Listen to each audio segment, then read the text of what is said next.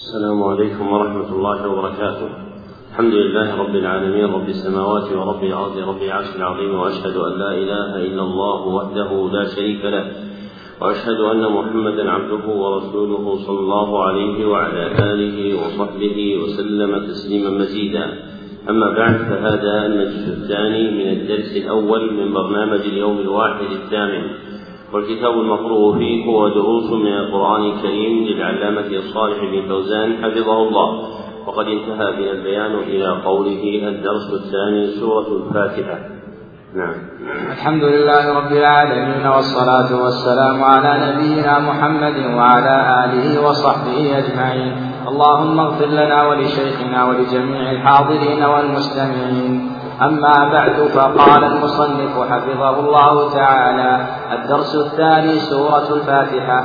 أولا منزلتها ومكانتها. هذه السورة لها مكانة عظيمة في القرآن إذ هي, إذ هي أعظم سورة فيه كما أن أعظم آية في القرآن آية الكرسي.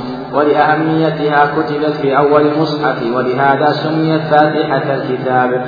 وهذا يدل على أهميتها ومكانتها لأنها ما قدمت وجعلت أول سورة في المصحف إلا لأهميتها.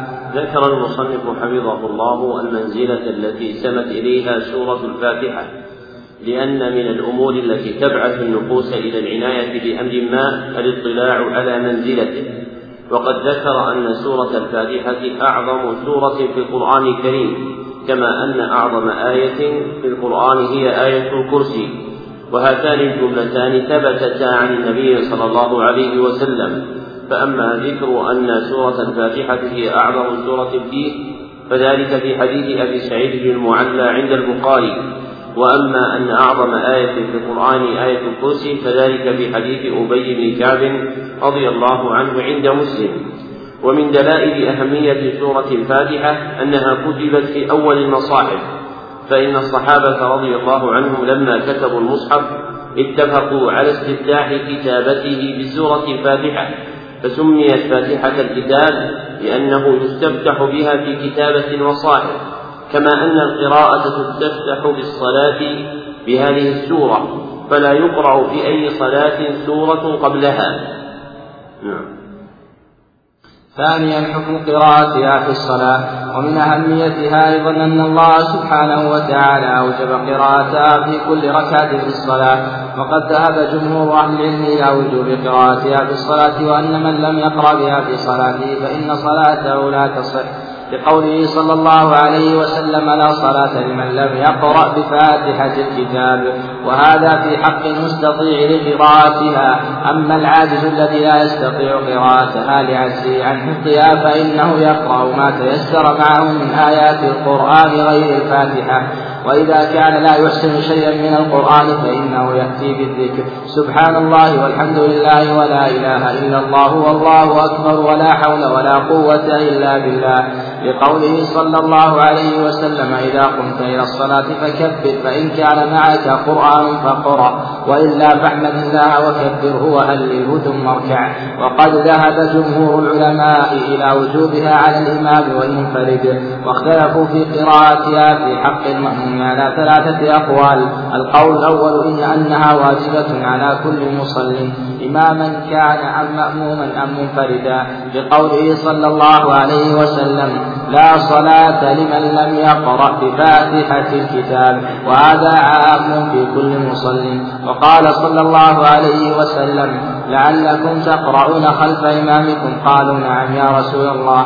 قال لا تفعلوا إلا لا تفعلوا إلا بفاتحة الكتاب فإنه لا صلاة لمن لم يقرأ بها وهذا مذهب الإمام الشافعي وجمع من المحدثين كالإمام البخاري وغيره يرون وجوب قراءتها على الإمام والمأموم والمنفرد. القول الثاني إنها لا تجب على المأموم لأن قراءة الإمام تجزئ عنه لقوله صلى الله عليه وسلم من كان له إمام فقراءة الإمام له قراءة ولكن هذا الحديث في سنده مقال. واستدلوا بقوله تعالى وإذا قرئ القرآن فاستمعوا له وأنصتوا لعلكم ترحمون. قالوا في وجه الاستدلال إن الله جل جلاله أمر بالاستماع لقراءة القرآن والإنصات والآية نزلت في شأن الاجتماع في الصلاة يعني إذا قرأ الإمام فعلى المأموم أن ينصت ويستمع فدلت الآية على أنه لا قراءة على المأموم لأن الإمام يقرأ لنفسه وللمأمومين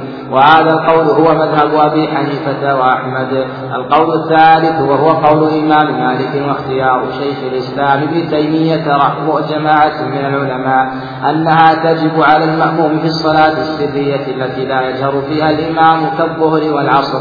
فأما في الصلاة الجهرية فإنها تكفي قراءة الإمام وعلى المأموم أن ينصت ويستمع. قالوا وبهذا تجتمع الأدلة فالأدلة التي توجب قراءة الفاتحة تحمل على الصلاة السرية والأدلة الأخرى والآية الكريمة تحمل على الصلاة الجهرية. وهذا القول هو أعدل الأقوال إن شاء الله. ذكر المصنف حفظه الله أمرا آخر يدل على أهمية الفاتحة وهو ذهاب كثير من العلماء إلى القول بوجوبها على كل أحد في الصلاة. على اختلاف في تفاصيل ذلك. عملا بما صح عنه صلى الله عليه وسلم في الصحيحين من حديث عبادة بن الصامت أن النبي صلى الله عليه وسلم قال لا صلاة لمن لم يقرأ بفاتحة الكتاب فكل مستطيع قراءتها تجب عليه القراءة. وأما العاجز عنها ففي حديث إفاعة عند أبي داود وغيره أن النبي صلى الله عليه وسلم قال وإلا تحمد الله وكبره وهلله.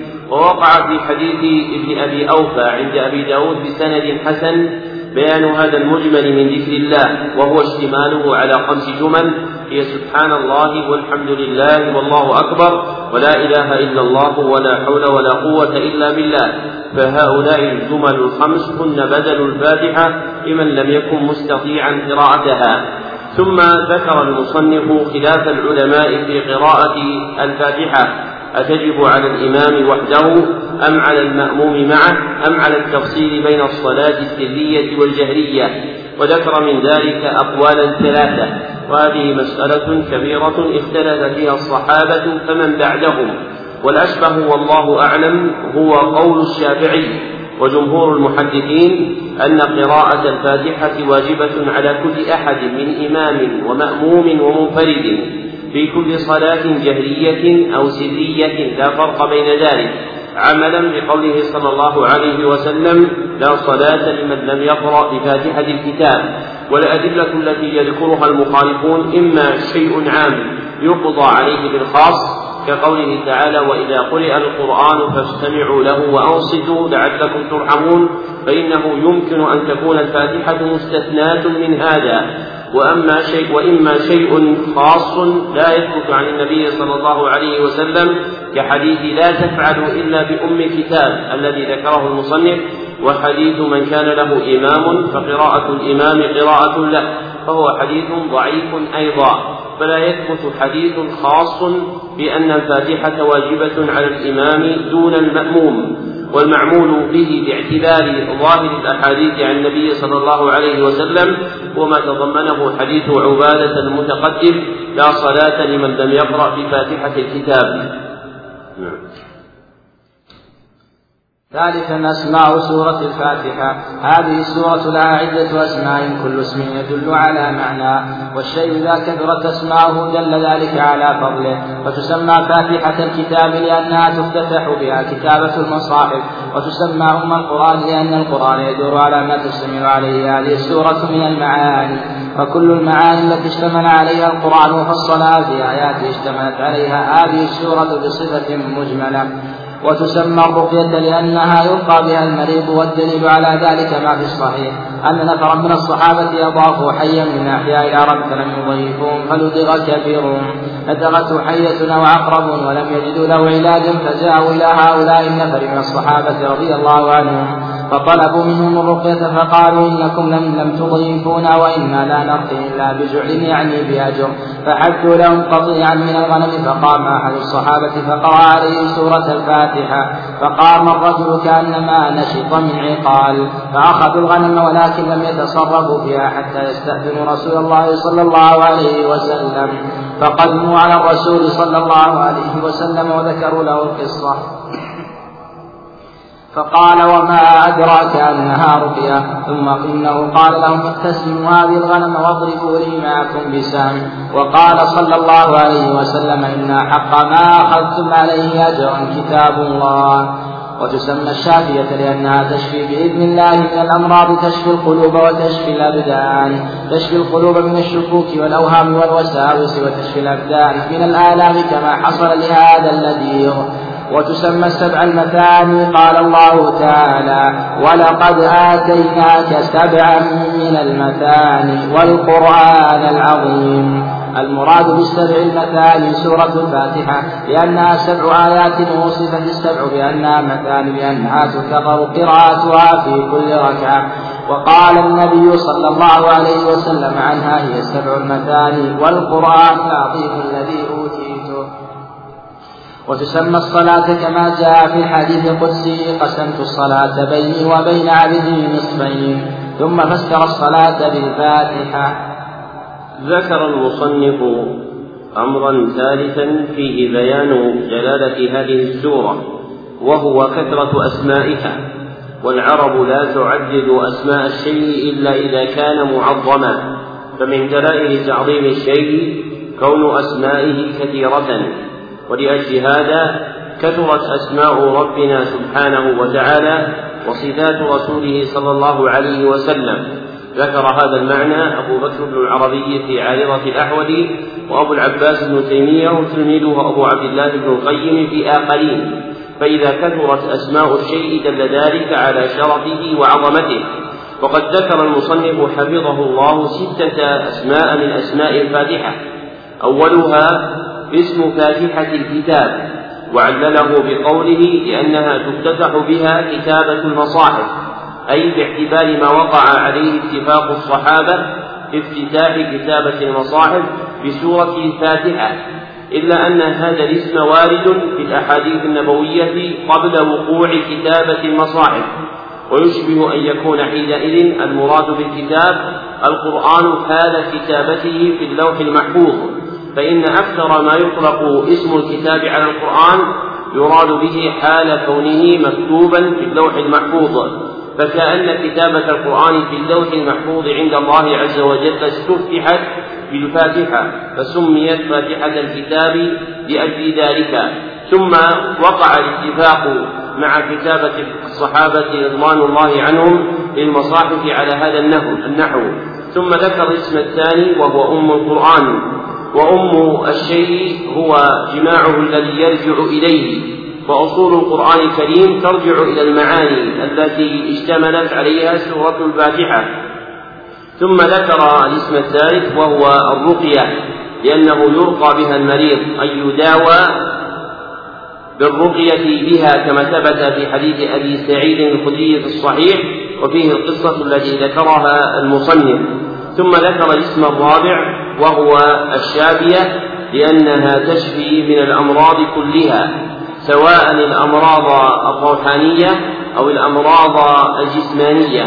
فإن الأمراض التي تعتري الإنسان نوعان اثنان أحدهما الأمراض الروحانية المتعلقة بالروح كالعين والجن والسحر وأشباهها والآخر الأمراض الجسمانية من العلل التي تنتاب البدن والفاتحة شفاء للنوعين جميعا. ولابن القيم رحمه الله تعالى كلام نفيس في كون الفاتحة شفاء ذكره في زاد المعاد وذكر حاله رحمه الله في الاستشفاء بها. ثم ذكر الاسم الخامس وهو السبع المثاني كما وصفها الله عز وجل بذلك. وإنما سميت بالسبع المثاني لأنها سبع آيات تكرر قراءتها في كل ركعة. فهي تثنى آية بعد آية في كل ركعة. ويشبه أيضا أن تكون أن تكون مسماة بالسبع المثاني لأنها تثنى في كل ركعة.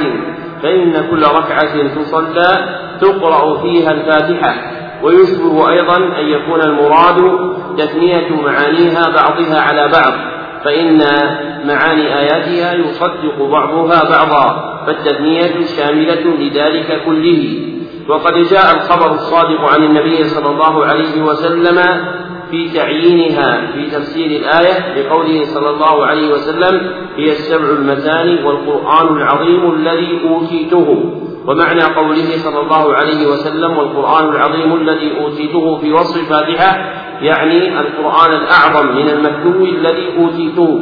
فإن الفاتحة هي أعظم سورة في القرآن كما تقدم ثم ختم بالاسم الثالث وهو اسم الصلاة كما جاء في الحديث القدسي أي الإلهي قسمت الصلاة بيني وبين عبدي نصفين فسمى الله سبحانه وتعالى الفاتحة باسم الصلاة لأنها ركنها الأعظم فلا تقوم الصلاة إلا بالفاتحة فكل صلاة مشتملة عليها كما سلف. نعم. رابعا عدد آيات هذه السورة هي سبع آيات بنص القرآن كما تقدم في قوله تعالى ولقد آتيناك سبعا من المثاني والقرآن العظيم فقوله الحمد لله رب العالمين. هذه آية الرحمن الرحيم. الآية الثانية مالك يوم الدين. الآية الثالثة إياك نعبد وإياك نستعين. الآية الرابعة اهدنا الصراط المستقيم. الآية الخامسة صراط الذين أنعمت عليهم. الآية السادسة غير المغضوب عليهم ولا الضالين. هي الآية السابعة. هذا مذهب الجمهور في عدد آياتها. وذهب الشافعي إلى أن قوله صراط الذين أنعمت عليهم غير المغضوب عليهم ولا الضالين. آية واحدة وهي الآية السابعة. وأن الآية الأولى من السورة هي بسم الله الرحمن الرحيم. ولهذا الاختلاف يوجد في بعض المصاحف كتابة رقم كتابة رقم واحد بعد البسملة إشارة إلى أن البسملة آية من الفاتحة وفي بعضها لا يوجد هذا الرقم تبعا للقول بأنها ليست آية منها فالبسملة عند الشافعي آية من الفاتحة وأما الجمهور فالبسملة عندهم ليست آية من الفاتحة ولا من غيرها من سور القرآن إلا التي في سورة النمل فإنها بإجماع العلماء بعض آية من تلك السورة. وذلك في قوله تعالى إنه من سليمان وإنه بسم الله الرحمن الرحيم. وأما في غير ذلك فهي آية مستقلة وليست خاصة بسورة معينة ولذا لا يوجد في أي مصحف كتابة رقم واحد عليها في سائر السور غير سورة الفاتحة وذلك لأنها آية مستقلة نزلت الفصل بين السور ولذا يؤتى بها في أول كل سورة إلا في أول سورة براءة لأنها لم تنزل على الرسول صلى الله عليه وسلم في أول هذه السورة كما نزلت عليه في بقية السور وقيل في تعليل ذلك إن براءة مكملة لسورة الأنفال وقيل لأنها نزلت بالسيف والعذاب وافتتحت بالبراءة. لأنها نزلت بالسيف والعذاب وافتتحت بالبراءة فلا يناسب تقديم ذكر الرحمة عليها والله أعلم. وافتتحت بالبراءة فلا يناسب تقديم ذكر الرحمة عليها والله أعلم. ذكر المصنف حفظه الله مسألة أخرى متعلقة بسورة الفاتحة. وهي بيان عدد آياتها فذكر أن هذه السورة هي سبع آيات بنص القرآن. ثم عد هؤلاء الآيات. ثم قال هذا مذهب الجمهور في عدد آياتها. فإن صحت النسخة فالأمر مشكل. وإن كان الصواب في مثل هذا أن يقال هذا مذهب الجمهور في عد آياتها. وأما العدد فإن أهل العلم قاطبة مجمعون على أن الفاتحة سبع آيات لا خلاف بينهم كما ذكر إجماعهم ابن جرير الطبري في تفسيره وابن عطية في المحرر الوجيز وأبو حيان الأندلسي في البحر المحيط والبرهان والزركشي في كتاب البرهان. ولم يخرج عن ذلك إلا أقوال شاذة لا يعتد بخلافها. كما ذكره أبو حيان وإنما وقع الخلاف في تعديد هؤلاء السبع فيقال إن عدد آيات آيات الفاتحة سبع إجماعا وأما تعداد تلك الآيات ففيه مذهبان اثنان أحدهما مذهب الجمهور الذين يرون أن قوله تعالى صراط الذين أنعمت عليهم هي الآية السادسة وأن ما بعدها غير المغضوب عليهم ولا الضالين هي الآية السابعة خلافا للشافعي الذي جعل الآية السابعة هي قوله تعالى صراط الذين أنعمت عليهم غير المغضوب عليهم ولا الضالين. ووقع وفق هذا العد الكوفي للقرآن الكريم. فإن العادين لآيات القرآن الكريم من أهل الكوفة جروا على هذا المذهب. فإنهم يجعلون بسم الله الرحمن الرحيم هي الآية الأولى ثم يجعلون آخر الفاتحة صراط الذين أنعمت عليهم إلى آخره هي الآية السابعة. وعلى هذا كتابة المصحف المنسوب إلى رواية حفص عن عاصم بأيدي المسلمين اليوم.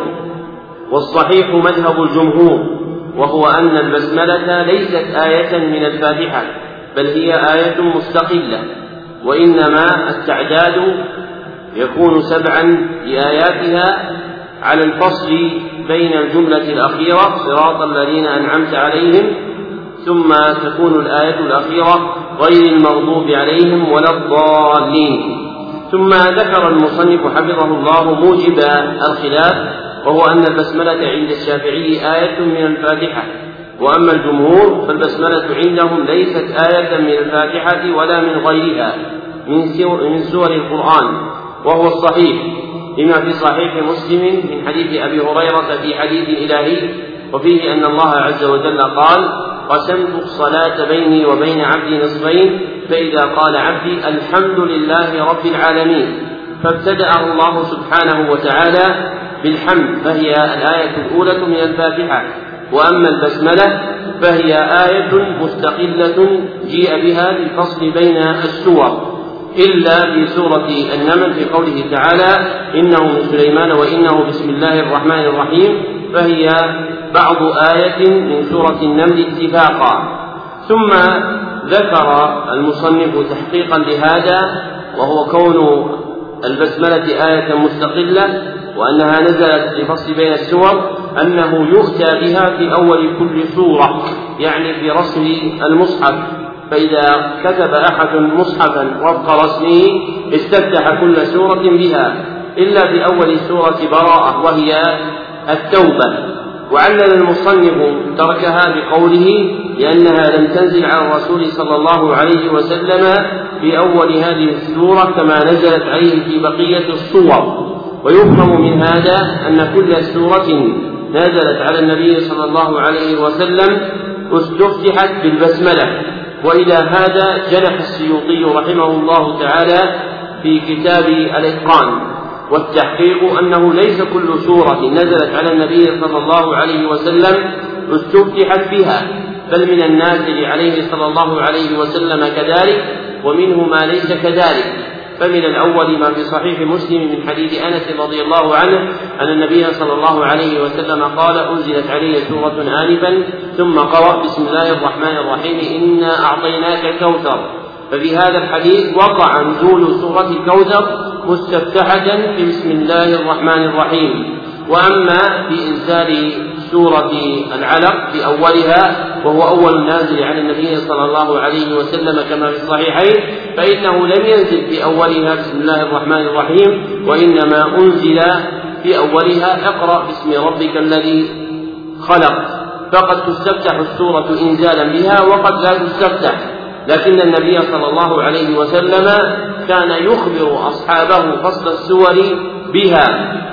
كما ثبت ذلك في حديث عثمان عند الترمذي بسند حسن.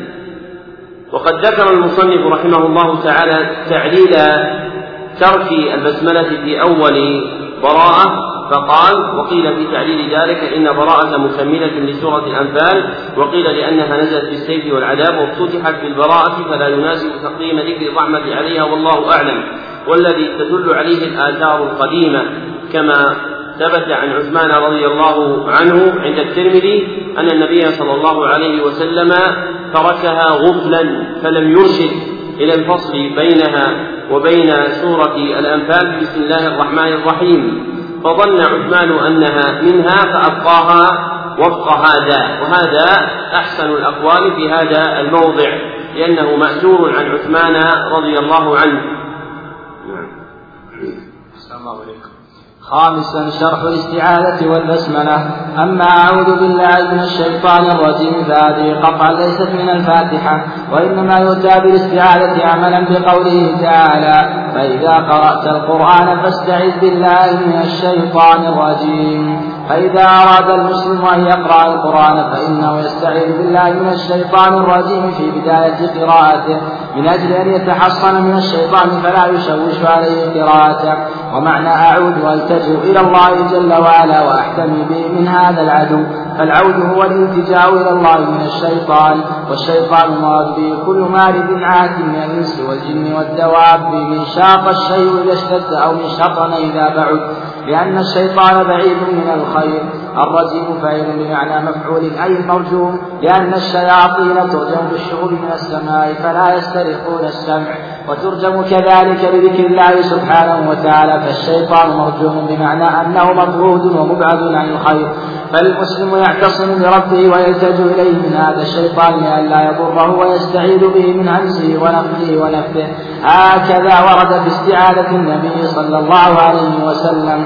والهمز المراد به الصرع لأن الشيطان يصرع الإنسان أحيانا فيجن ويتخبط. فإصابة الجنون هذه من الشيطان وقوله تعالى الذي يتخبطه الشيطان من المس. المراد به فالشيطان يداخل الإنسان ويجري منه مجرى الدم ويصرعه أحيانا وإذا لم يحميه الله منه فإنه يؤذيه فإنه يؤذيه بالوساوس والأوهام والصرع والنفخ معناه الكبر لأن الكبر من الشيطان فهو الذي ينفخ في الإنسان والنفث الشعر. قال تعالى والشعراء يتبعهم الغاوون فالشعر من نفث الشيطان إلا ما كان من الشعر الطيب النزيه فإنه ممدوح.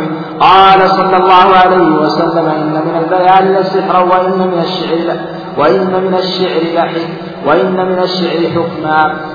لكن غالب الشعر أنه سيء وأنه من نفث الشيطان وقيل المراد بنفث السحر. قال تعالى ومن شر النفاثات في العقد والاستعاذة مستحبة قبل القراءة في الصلاة وفي غيرها لقوله تعالى فإذا قرأت القرآن فاستعذ بالله من الشيطان الرجيم. وهذا مطلق مطلق تدخل فيه حال الصلاة وغير حال الصلاة وغيرها. بسم الله الرحمن الرحيم. الباء للاستعانة وفيه فعل مقدر تقدير واستعين بسم الله أو أتحصن بسم الله واسم الله مفرد مضاف يعم جميع أسماء الله تعالى. فتقول وأتحصن وأتبرك بأسماء الله سبحانه وتعالى لأن أسماء الله تعالى مباركة. قال تعالى تبارك اسم ربك ذي الجلال والإكرام والنبي صلى الله عليه وسلم كان في دعاء الاستفتاح يقول وتبارك اسمه فاسم الله مبارك وأنت تتبرك بأسماء الله فقولك بسم الله الجار والمجرور متعلق بمحذوف أي يتبرك وأستعين بسم الله. الله علم على الإله المعبود الحق وهو من أعظم أسماء الله سبحانه وتعالى. والله معناه المألوه المعبود من أله من أله يؤله إذا عبد فهو المعبود سبحانه وتعالى المقصود في كل حاجة. الرحمن اسم من أسماء الله يتضمن صفة من صفاته وهي الرحمة.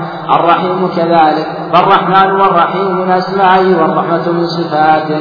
وكل اسم من أسماء الله جل وعلا فإنه يتضمن صفة من صفاته.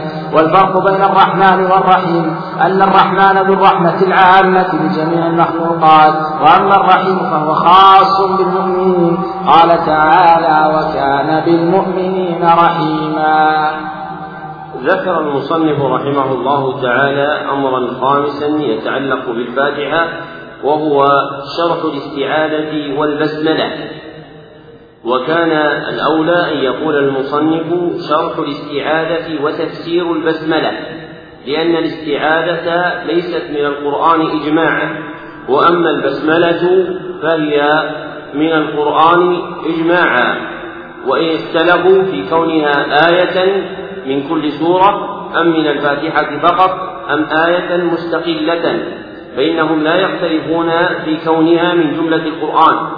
والقرآن لا يقال في شيء منه شرح كما ذكره أبو هلال العسكري وبينا وجهه فيما سلف وإنما يقال تفسير الفاتحة أو تفسير آية الكرسي ولا يقال شرح الفاتحة ولا شرح آية الكرسي بخلاف غيره من الكلام فيجوز أن يقال فيه شرح وتفسير معا. ثم ذكر المصنف رحمه الله تعالى في جملة هذا شرح الاستعاذة وذكر أنها ليست من الفاتحة قطعا بل هي ليست من القرآن اتفاقا. وإنما يؤتى بها عملا بقوله تعالى فإذا قرأت القرآن فاستعذ بالله من الشيطان الرجيم. أي تعوذ بالله عز وجل من الشيطان الرجيم. والمنقول عن النبي صلى الله عليه وسلم في صيغة الاستعاذة من طريق نقل القراءات المتواتر هو قوله أعوذ بالله من الشيطان الرجيم. ولم يثبت هذا في شيء من الأحاديث المروية عنه صلى الله عليه وسلم بطريق النقل النبوي فإن الأحاديث المروية في ذلك لا تثبت لكن تلقي القراءات طبقة بعد طبقة إلى يومنا. هذا أفضى إلى الجزم بأن استفتاح قراءته صلى الله عليه وسلم هو بقول أعوذ بالله من الشيطان الرجيم. وإذا استعاذ الإنسان بأي صيغة كانت جاز ذلك. لكن الأكمل هو امتثال هديه صلى الله عليه وسلم. ثم ذكر المصنف معاني الاستعاذة فبين أن الاستعاذة هي الالتجاء إلى الله سبحانه وتعالى. وسبق أن ذكرنا أن الاستعاذة شرعا هي طلب العود من الله عند ورود المخوف. فإذا ورد المخوف على العبد فطلب من ربه العود ولجأ إليه كان مستعيذا به. ثم ذكر بيان معنى الشيطان وأنه كل مارد عاس من الإنس والجن والدواب مأخوذ من قولهم شاط الشيء إذا اشتد أو من شطن إذا بعد لأن الشيطان شديد في شره بعيد عن الخير والهدى فهو مستحق لهذا الاسم من الجهتين جميعا فيجوز أن يكون مشتقا من هذا أو مشتقا من هذا وهو اسم لكل من اشتمل على هذا الوصف من الإنس والجن والدواب فإن الدواب التي يكون فيها مس من الشدة أو البعد عن الخير تنسب إليه كما جاء في حديث أبي هريرة عند أبي داود وفيه قصة أن النبي صلى الله عليه وسلم رأى رجلا يتبع حمامة فقال شيطان يتبع شيطانة فسمى الحمامة شيطانة مع كونها من الدواب.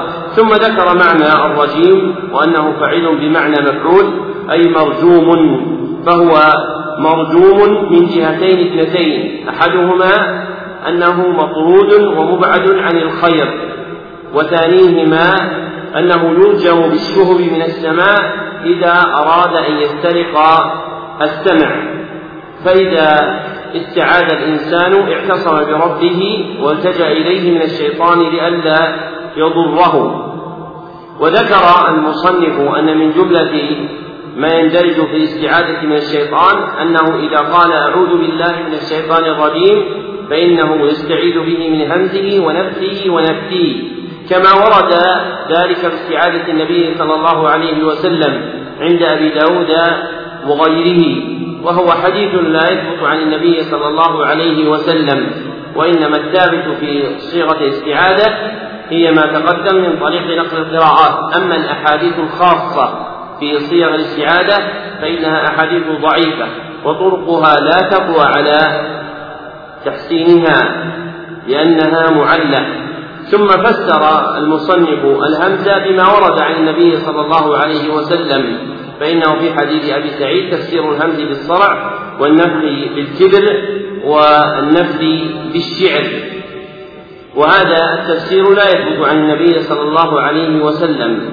وباعتبار الوضع اللغوي والدلالة الشرعية فإن همز الشيطان صرعه فإن الشيطان يسرع الإنسان إذا مسه ويتخبطه. كما قال تعالى الذي يتخبطه الشيطان من المس أي بالصرع وأما النفخ فمعناه الكبر لأن الشيطان ينفخ في ابن آدم فيعظم له نفسه فيتكبر. ثم ذكر تفسير النفس بالشعر وأن الشعر من نفس الشيطان. واستثنى من ذلك ما كان من الشعر الطيب فإنه ممدوح. أخذا من الحديث المروي في الصحيح إن من البيان لسحرا لكن هذا الحديث اختلف أهل العلم في مخرجه. هل خرج مخرج المدح أم الذم على قولين اثنين أصحهما أنه خرج مخرج الدم. واختاره ابن رجب لأن النبي صلى الله عليه وسلم جعله سحرا. والسحر حقيقته إخراج الشيء من قال بالحق إلى قال بالباطل وهو أنواع متنوعة ومن جملة ذلك ما يلبس به الشعراء فيخرجون الشيء من الحق إلى الباطل ويحببون الناس فيه بما يزينون. فالنفث وصف للشعر كله وقيل المراد بنفثه السحر كما قال تعالى ومن شر النفاثات في العقد أي ومن شر الأنفس الخبيثة من الذكور والإناث والجن والإنس التي تنفذ في العقد وتفسيره بالسحر أوسع من تفسيره بالشعر فإن الشعر المموه للحق بالباطل مضاف إلى السحر وفرد من أفراده. فالأقوى من جهة الدلالة الشرعية واللغوية أن النفس هو السحر ومن جملة السحر الشعر الذي يموه به الشعراء.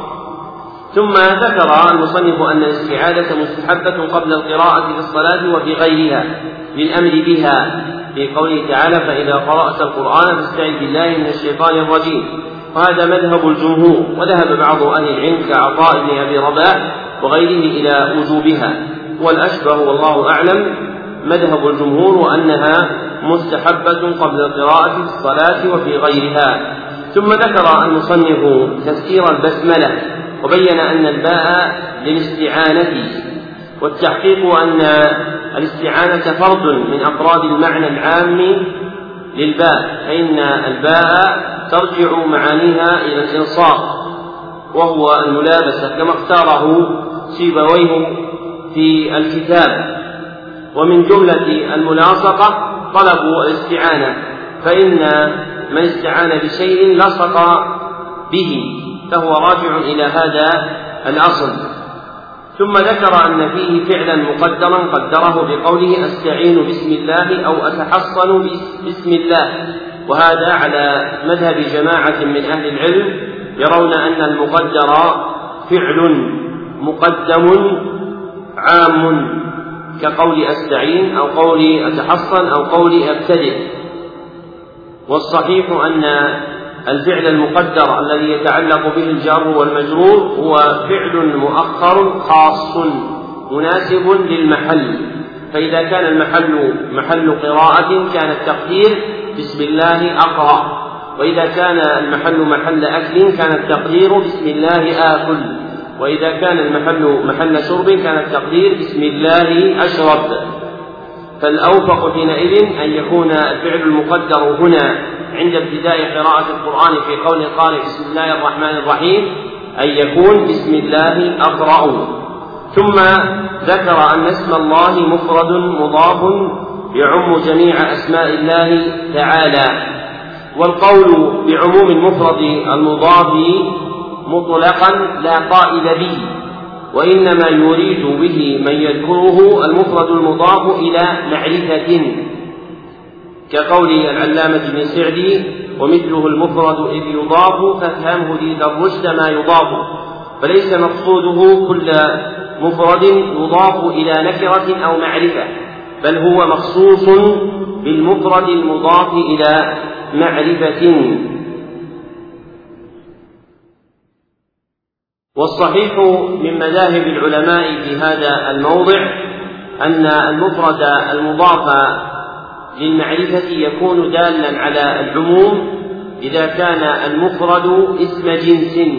فإذا كان المفرد اسم جنس أضيف إلى معرفة دل ذلك على العموم كقوله تعالى وأما, وأما بنعمة ربك فحدث.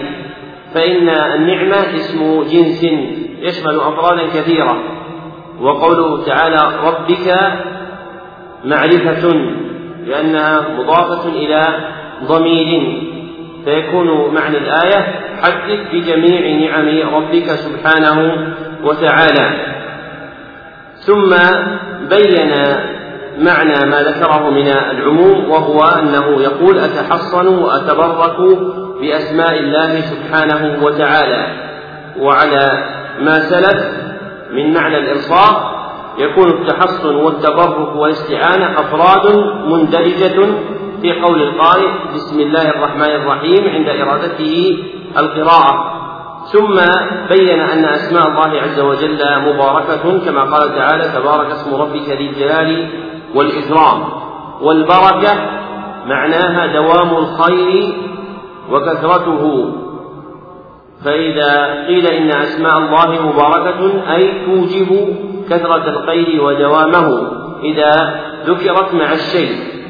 وكان باستفتاح النبي صلى الله عليه وسلم قوله وتبارك اسمك فاسم الله مبارك والعبد يتبرك بأسماء الله سبحانه وتعالى. ثم عاد إلى تقرير الجار والمجرور المتعلق بالمحذوف وأنه أتبرك وأستعين بسم الله وعلى ما سلف فتقديره بسم الله أقرأ ويندرج في بسم الله الاستعانة والتحصن والتبرك. ثم ذكر تفسير الاسم الأحسن الله وبين أنه علم على الله المعبود الحق أي اسم موضوع للدلالة على ذات الله عز وجل فإن الأعلام توضع للدلالة على الذوات. فالله اسم يختص باسم المعبود الحق بخلاف الإله فإن الإله اسم يقع على المعبود الحق وغيره. والاسم الأحسن الله هو من أعظم أسماء الله تعالى كما ذكر المصنف لأنه يشتمل على صفة الألوهية التي ترجع إليها جميع الصفات كما ذكره ابن القيم وابن سعدي رحمهما الله. وذهب كثير من أهل العلم إلى أن الاسم الأحسن الله هو الاسم الأعظم والصواب أن أسماء الله عز وجل كلها عظيمة. وبينا فيما سلف أن هذا مذهب جماعة من الأكابر كابن جرير الطبري وابن باز رحمهم الله تعالى. فحينئذ يقال إن الاسم الأحسن الله من أعظم أسماء الله سبحانه وتعالى. ثم ذكر معنى الله بأنه المألوه المعبود من أله يؤله إذا عبد أو من أله يأله كعلم يعلم إذا عبد وهو المختار فهو مشتق من هذا الأصل لأن التأله في لسان العرب هو التعبد كما قال رؤبة بن العجاج لله در الغانيات مده سبحنا واسترجعنا من تأله أي من تعبده. ثم فسر الرحمن والرحيم بأنهما اسمان من أسماء الله يتضمنان صفة الرحمة لأن كل اسم من أسماء الله في ضمنه صفة أو أكثر. فاسم الرحمن واسم الرحيم فيهما صفة الرحمة. كما قال ابن عجود في بيان هذه القاعدة أسماؤه الحسنى على الصفات دلت فدلت أوجه النفاة ثم ختم بذكر الفرق الشهير بين الرحمن والرحيم وهو أن الرحمن ذو الرحمة العامة لجميع المخلوقات وأما الرحيم فهو خاص بالمؤمنين لقول الله تعالى وكان بالمؤمنين رحيما ويشكل على هذا المورد من القسمة الذي يذكره جمع غفير من المصنفين قوله تعالى إن الله بالناس لرؤوف رحيم فإنه جعل اسم الرحيم متعلقا بالناس جميعا دون المؤمنين ففي هذا الفرق نظر. والصحيح أن الرحمن اسم دال على الله سبحانه وتعالى حال تعلق صفة الرحمة به. وأما الرحيم فهو اسم دال على الله سبحانه وتعالى حال تعلق صفة الرحمة بالخلق المرحومين. ولذلك لا يذكر اسم الرحيم إلا بذكر المرحومين. كما قال تعالى وكان بالمؤمنين رحيما وقال إن الله بالناس لرؤوف رحيم. وأشرت إلى ذلك بقولي ورحمة لله مهما علقت بذاته فالاسم رحمن ثبت أو علقت بخلقه الذي رحم فسمه الرحيم فاز من سلم. واختار هذا العلامة ابن القيم في بدائع الفوائد. نعم. سادسا تفسير آيات الفاتحة. قوله تعالى الحمد لله رب العالمين. الحمد هو الثناء على الله سبحانه وتعالى. الله سبحانه يحمد بمعنى إثنانه بأسمائه وصفاته وأفعاله سبحانه وتعالى. والحمد أعم من الشكر لأن الشكر لا يكون إلا على الأفعال وأما الحمد فيكون على الأسماء والصفات وعلى الأفعال. فالحمد أعم من الشكر وهذا هو الفرق بين الحمد والشكر. وألف قوله الحمد لله للاستغراق أي جميع المحامد لله سبحانه وتعالى ملكا واستحقاقا فلا يستحق الحمد على الإطلاق إلا الله جل وعلا لأنه هو المنعم ذو الإنعام المطلق فله الحمد المطلق سبحانه وتعالى. ففي قوله الحمد لله أي جميع المحامد لله سبحانه وتعالى وأما المخلوق فإنه يحمد على قدر ما يجري منه من الخير ولكن الله هو الذي جعل فيه هذا الخير.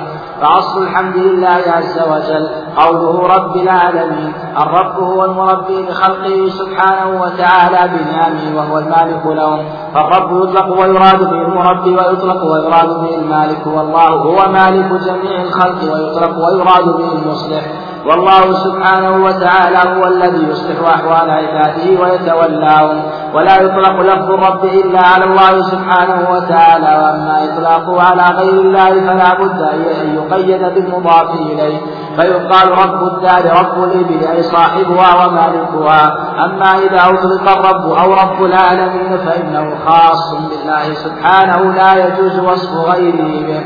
والعالمين جمع عالم وهو كل ما سوى الله سبحانه وتعالى والعوالم في الكون كثيرة لا يعلمها إلا الله سبحانه وتعالى ومنها عالم الإنس وعالم الجن وعالم الملائكة وعالم الجمادات وعالم الحيوانات. كل أجناس الخلق يقال لها عوالم وربها هو الله جل وعلا. لا أحد يخرج من ربوبيته سبحانه وتعالى. قوله تعالى الرحمن الرحيم. عرفنا تفسيرهما في شرح البسملة. قوله تعالى مالك يوم الدين في قراءة مالك بالألف وفي قراءة ملك ملك وكلا القراءتين صحيح. فهو سبحانه مالك وملك. يوم الدين المراد بالدين هنا الحساب والجزاء. قال تعالى كلا بل تكذبون بالدين. أي الحساب والجزاء. وقال تعالى أرأيت الذي يكذب بالدين؟ يعني يكذب بالجزاء والحساب والبعث والنشور. وقال تعالى فما يكذبك بعد بالدين؟ أي بالحساب والجزاء والمجازاة يوم القيامة فيوم الدين. هو يوم القيامة. سمي يوم سمي يوم الدين لأنه يوم الجزاء والحساب. لماذا قال مالك يوم الدين مع أنه مالك يوم الدين وغيره؟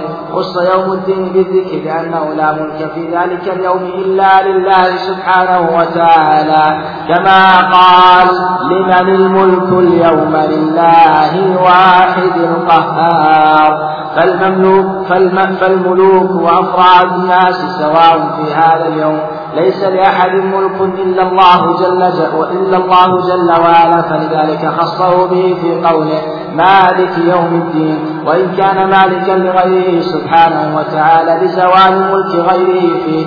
ولهذا جاء في الحديث إن الله سبحانه وتعالى يقول أنا الملك أين أين المتكبرون؟ أين الجبارون؟ وهذا كما في قوله سبحانه وتعالى لمن الملك اليوم لله الواحد القهار.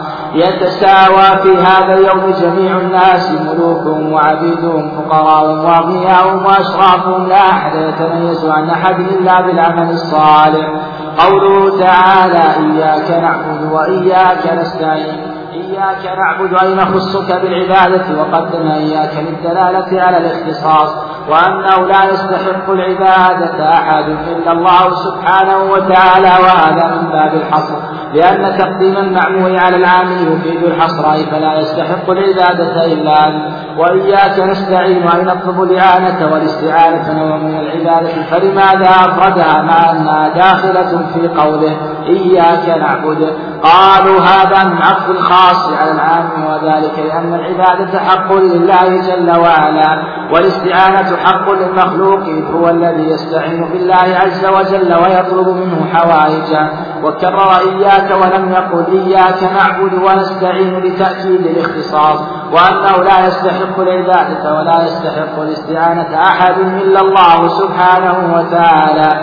فهو المعين وحده وكل الدين يدور على العبادة والاستعانة على هاتين اللفظتين العظيمتين. إياك نعبد وإياك نستعين.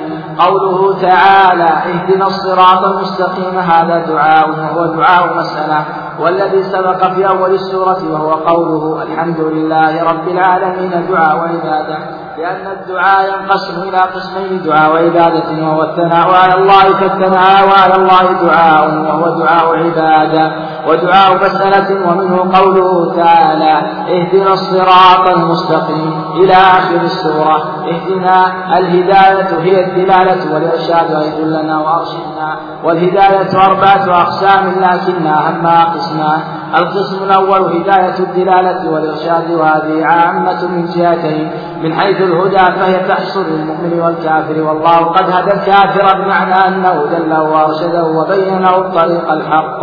قال تعالى وأما ثمود فهديناهم فاستحبوا العمى على الهدى أي أرشدناهم وهي أيضا عامة من حيث الهادي والمرشد. فيدخل فيها الرسول صلى الله عليه وسلم ومن اتبعه وإنك لتهدي إلى صراط مستقيم. القسم الثاني هداية التوفيق لقبول الحق وهذه خاصة أيضا من جهتين لا تحصل إلا للمؤمن وهي من خصائص الله سبحانه وتعالى. ولذا نفعها عن رسول الله صلى الله عليه وسلم فقال إنك لا تهدي من أحببت ولكن الله يهدي من يشاء. وقوله اهدنا يعم الهدايتين هداية الدلالة والإرشاد وهداية التوفيق دلنا وأرشدنا وثبتنا ووفقنا. الصراط هو في اللغة الطريق والجادة التي يمشي عليها الناس والحيوانات. والمراد بالصراط هنا الإسلام والقرآن والرسول صلى الله عليه وسلم. وسمي كل من هؤلاء صراطا وطريقا لأنه يوصل إلى الله سبحانه وتعالى.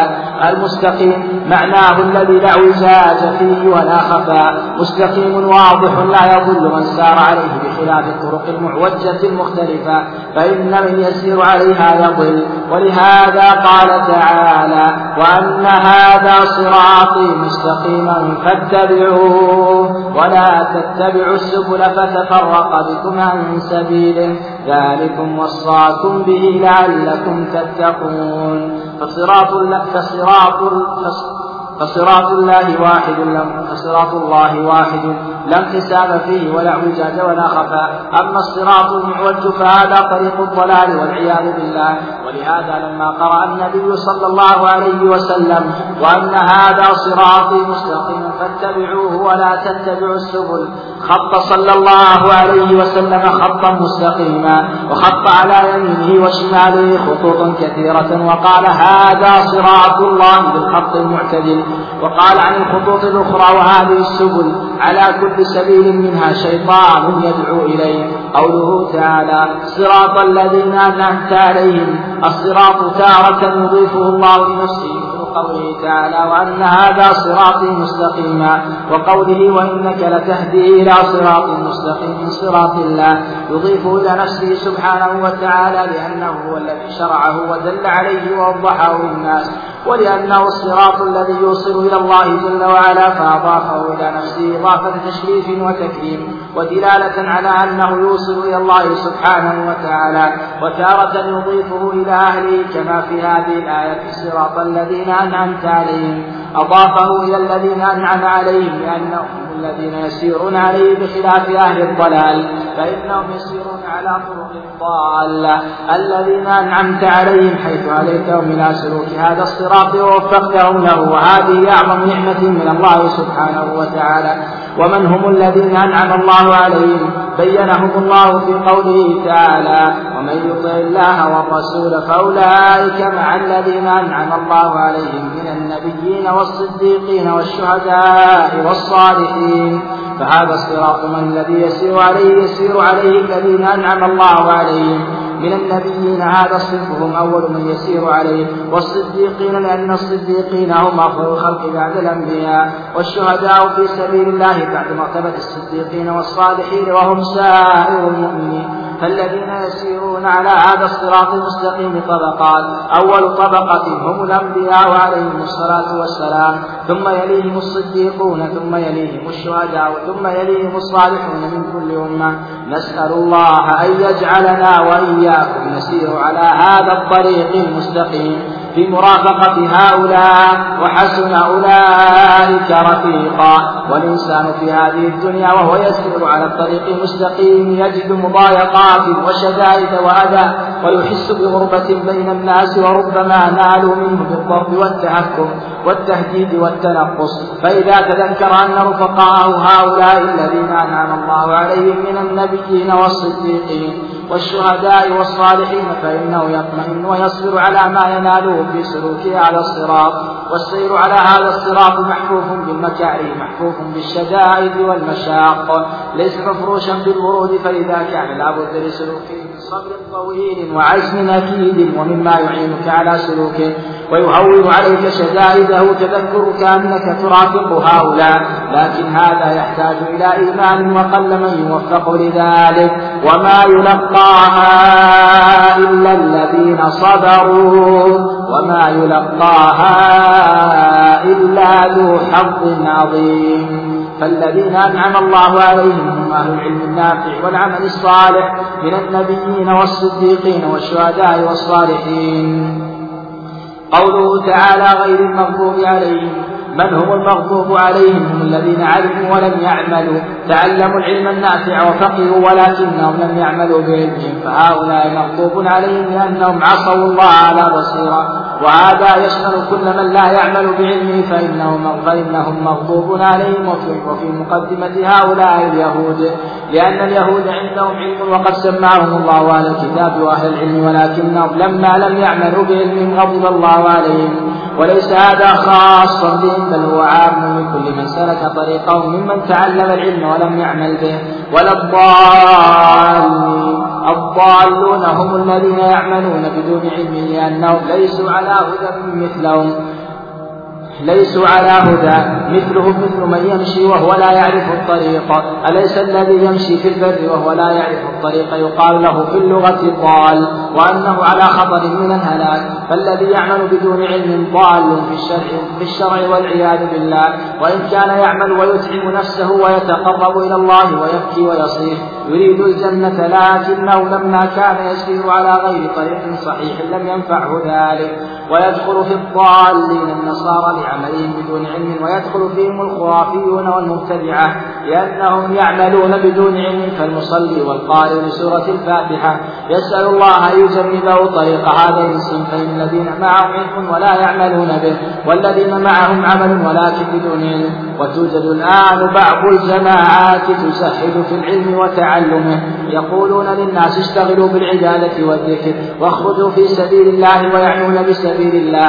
الخروج والسفر والتجول في البلدان ويزهدون في طلب العلم ويهونون من شأنه وشأن أهله. وهذا الطريق ضلال والعياذ بالله. فلا بد من العلم أولا لقوله تعالى فاعلم أنه لا إله إلا الله واستغفر لذنبك فبدا بالعلم قبل القول والعمل وقد دلت الآية السابقة على أن الناس بالنسبة إلى العلم والعمل ثلاثة أصناف فالذين جمعوا بين العلم بين العلم النافع والعمل الصالح هم الذين أنعم الله عليهم الذين تسأل الله في هذه السورة أن يهديك صراطهم.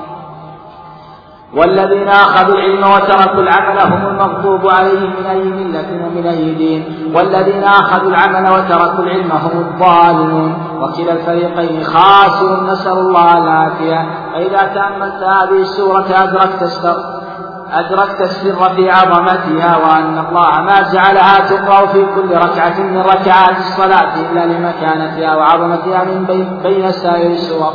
ومن ذلك ما تشتمل عليه هذه السورة من هذا الدعاء العظيم دعاء العبادة في أولها ودعاء المسألة في آخرها فهي كلها دعاء. ولهذا يستحب في الصلاة إذا فرغ المصلي من قراءتها أن يقول آمين. الإمام والمأموم والمنفرد يستحب لهم ذلك وآمين معناه. اللهم استجب. أي استجب هذا الدعاء؟ فهو تأمين على دعاء هذه هذه السورة. وآمين ليست واجبة في الصلاة ويستحب أن يجهر بآمين. في الصلاة الجهرية سواء كان إماما أم مأموما أم منفردا. أما إذا كان يقرأ سرا فإنه يسر بها. ذكر المصنف حفظه الله في جملة هذا الدرس أمرا سادسا بين فيه تفسير آيات الفاتحة بحسب ما يناسب المقام. وابتدأ ذلك بتفسير قوله تعالى الحمد لله رب العالمين. فذكر أن الحمد هو الثناء على الله سبحانه وتعالى فالله سبحانه يحمد بمعنى يثنى عليه بأسمائه وصفاته وأفعاله سبحانه وتعالى. وهذا التفسير للحمد جرى عليه كثير وهو مخالف لما ثبت في صحيح مسلم من حديث أبي هريرة في الحديث الإلهي قسمت الصلاة بيني وبين عبدي نصفين فإذا قال عبدي الحمد لله رب العالمين قال الله حمدني عبدي فإذا قال الرحمن الرحيم قال الله أثنى علي عبدي وهذا معلم بأن الثناء غير الحمد لأن الثناء إنما وقع ذكره بعد الجملة الثانية فهو شيء آخر غير الحمد. والمختار أن الحمد هو الإخبار عن محاسن المحمود مع حبه وتعظيمه كما نصره أبو العباس بن تيمية في مناظرته مع ابن المرحل وتلميذه ابن القيم في بدائع الفوائد. وإذا كرر هذا الإخبار عن المحاسن مرة بعد مرة سمي ثناء. فإن التالي إذا قال الحمد لله رب العالمين يكون قد أخبر عن الله عز وجل ببعض محاسنه. فإذا قال الرحمن الرحيم فإنه يكون قد كرر ذكر المحاسن فيسمى ذلك ثناء. ثم ذكر أن الحمد أعم من الشكر لأن الشكر لا يكون إلا على الأفعال أي المتعدية. فإن الإنسان يشكر على ما يوصله إلى غيره. من كرمه وإحسانه وبره وغير ذلك فتقول شكرته على إحسانه ولا يطلق على الأفعال المتعلقة فلا يقال أي اللازمة فلا يقال شكرته على عقله أو شكرته على حلمه أو على علمه مما هو ملازم للعبد بخلاف الحمد. فالحمد يكون على الصفات اللازمة والأفعال المتعدية. وأما الشكر فإنه مخصوص بالأفعال المتعدية. وحينئذ فإن الحمد أعم لكن هذا العموم من جهة المتعلق. فإن الحمد يتعلق بالصفات اللازمة وهي الفضائل وبالصفات المتعدية وهي الفواضل. وأما من جهة المورد فإنهما يختلفان ويكون الشكر أعم لأن الشكر يقع بالقلب واللسان وأفعال الجوارح. كما قال الله عز وجل اعملوا آل داود شكرا أي بقلوبكم وألسنتكم وجوارحكم. وأما الحمد فإنه يكون باللسان مع مطابقة القلب. فحينئذ إذا قيل أيهما أعم الحمد أو الشكر قيل أما باعتبار المتعلق فالحمد أعم من الشكر لأنه يقع على الصفات اللازمة والأفعال المتعدية والشكر يختص بالأفعال المتعدية. وأما من جهة المورد أي آلته فإن الشكر أعم لأنه يقع بالقلب واللسان والجوارح بخلاف الحمد فإنه يقع بالقلب واللسان. ثم ذكر المصنف أن أن في قوله الحمد لله رب العالمين بالاستغراق أي شمول جميع الأفراد فجميع أفراد المحامد كلها لله عز وجل ملكا واستحقاقا فهو سبحانه وتعالى يملكها وهو عز وجل مستحق لها. ثم ذكر أن المخلوق إنما يحمد على قدر ما يجري منه من الخير فحمده مخصوص بخلاف حمد الله عز وجل. ثم فسر رب العالمين بأن الرب هو المربي لخلقه وهو المالك لهم ومن ملكه سبحانه وتعالى إصلاحه لهم. وهذا الذي ذكره المصنف يمكن جمعه في رد الرب إلى معاني ثلاثة لا يخرج عنها. كما أشار إلى ذلك جماعة من أهل اللغة منهم ابن الأنباري في كتاب الزاهد في آخرين وهو أن الرب يقع على ثلاثة معان في لسان العرب. أولها السيد وثانيها المالك وثالثها المصلح للشيء القائم عليه. فما زاد عن هذه المعاني راجع إليها. فالأبيات المشهورة لأحمد السجاعي أحد علماء الأزهر من تعداد معاني الرب ترجع إلى هذه الثلاثة. ثم ذكر أن الرب لا يطلق إلا على الله سبحانه وتعالى. أما مع التقييد فيجوز ذلك فيقال رب الدار ورب الإبل أي صاحبها ومالكها. أما الرب أو رب العالمين فهما اسمان مختصان بالله سبحانه وتعالى.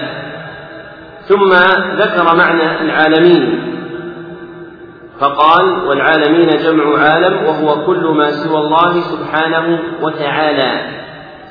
وتفسير العالم بأنه كل ما سوى الله سبحانه وتعالى عزاه بعض المتأخرين إلى لسان العرب وفيه نظر.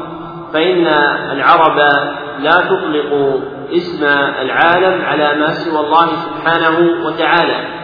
وإنما تريد به الأفراد المتجانسة فإن الأفراد المتجانسة التي يقع بينها اشتراك في جنسها تسمى عالما كما يقال عالم الملائكة وعالم الجن وعالم الشياطين وعالم الحيوانات. وليس كل خليقة الله أفرادا متجانسة فإن من خلق الله عز وجل ما يكون فردا لا جنس له. كعرشه سبحانه وتعالى أو الكرسي أو الجنة أو النار. فإن هذه من مخلوقات الله عز وجل التي ليس لها ثان فليست من جملة الأفراد المتجانسة. واسم العالم مخصوص بالأفراد المتجانسة. وحينئذ لا يصح أن يقال إن العالم هو كل ما سوى الله سبحانه وتعالى. وهذا شيء دخل في كلام العلماء من طريق أقيسة الفلاسفة وأهل المنطق كما بينه العلامة الطاهر بن عاشور في تفسيره. فإن الفلاسفة الأول قالوا الله قديم والعالم حادث فكل ما سوى الله عالم. فهي نتيجة عقلية منطقية مبنية على المقدمتين المذكورتين. ثم فشى استعمال هذا المعنى عند المتكلمين في العقائد ثم انتقل منه إلى المتكلمين في سائر العلوم فجعلوا معنى العالم كل ما سوى الله عز وجل. والتحقيق أن العالم اسم للأفراد المتجانسة وجمعها عوالم وعالمين. فالأفراد المتجانسة من الملائكة سميت عالم الملائكة والأفراد المتجانسة من الإنس سميت عالم الإنس وهلم جرا. وجمع هذه الأفراد المتجانسة يسمى بالعالمين أو بالعوالم. ووراء ذلك خلق من خلق الله ليس له شيء من جنسه كما سبق التمثيل له. ثم فسر ما بعد ذلك مشيرا إلى أن الرحمن الرحيم تقدم تفسيرهما فذكر تفسير مالك يوم الدين وأشار إلى القراءتين السبعيتين المشهورتين في ذلك وهي قراءة مالك وقراءة ملك وأشار إلى صحتهما بقوله وكلا القراءتين صحيح وليس المراد بالصحة الثبوت ولكن المراد بالصحة قبول كونها قرآنا يتلى فإن من القراءات ما يصح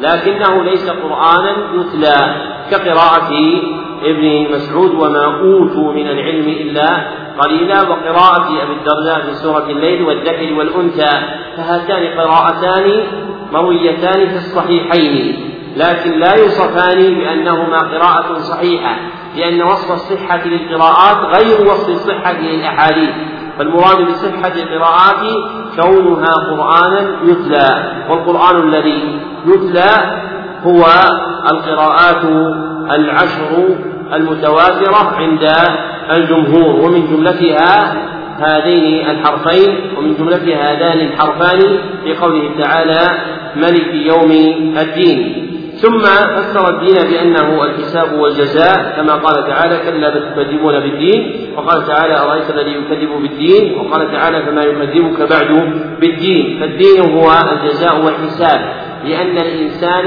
يدان فيه.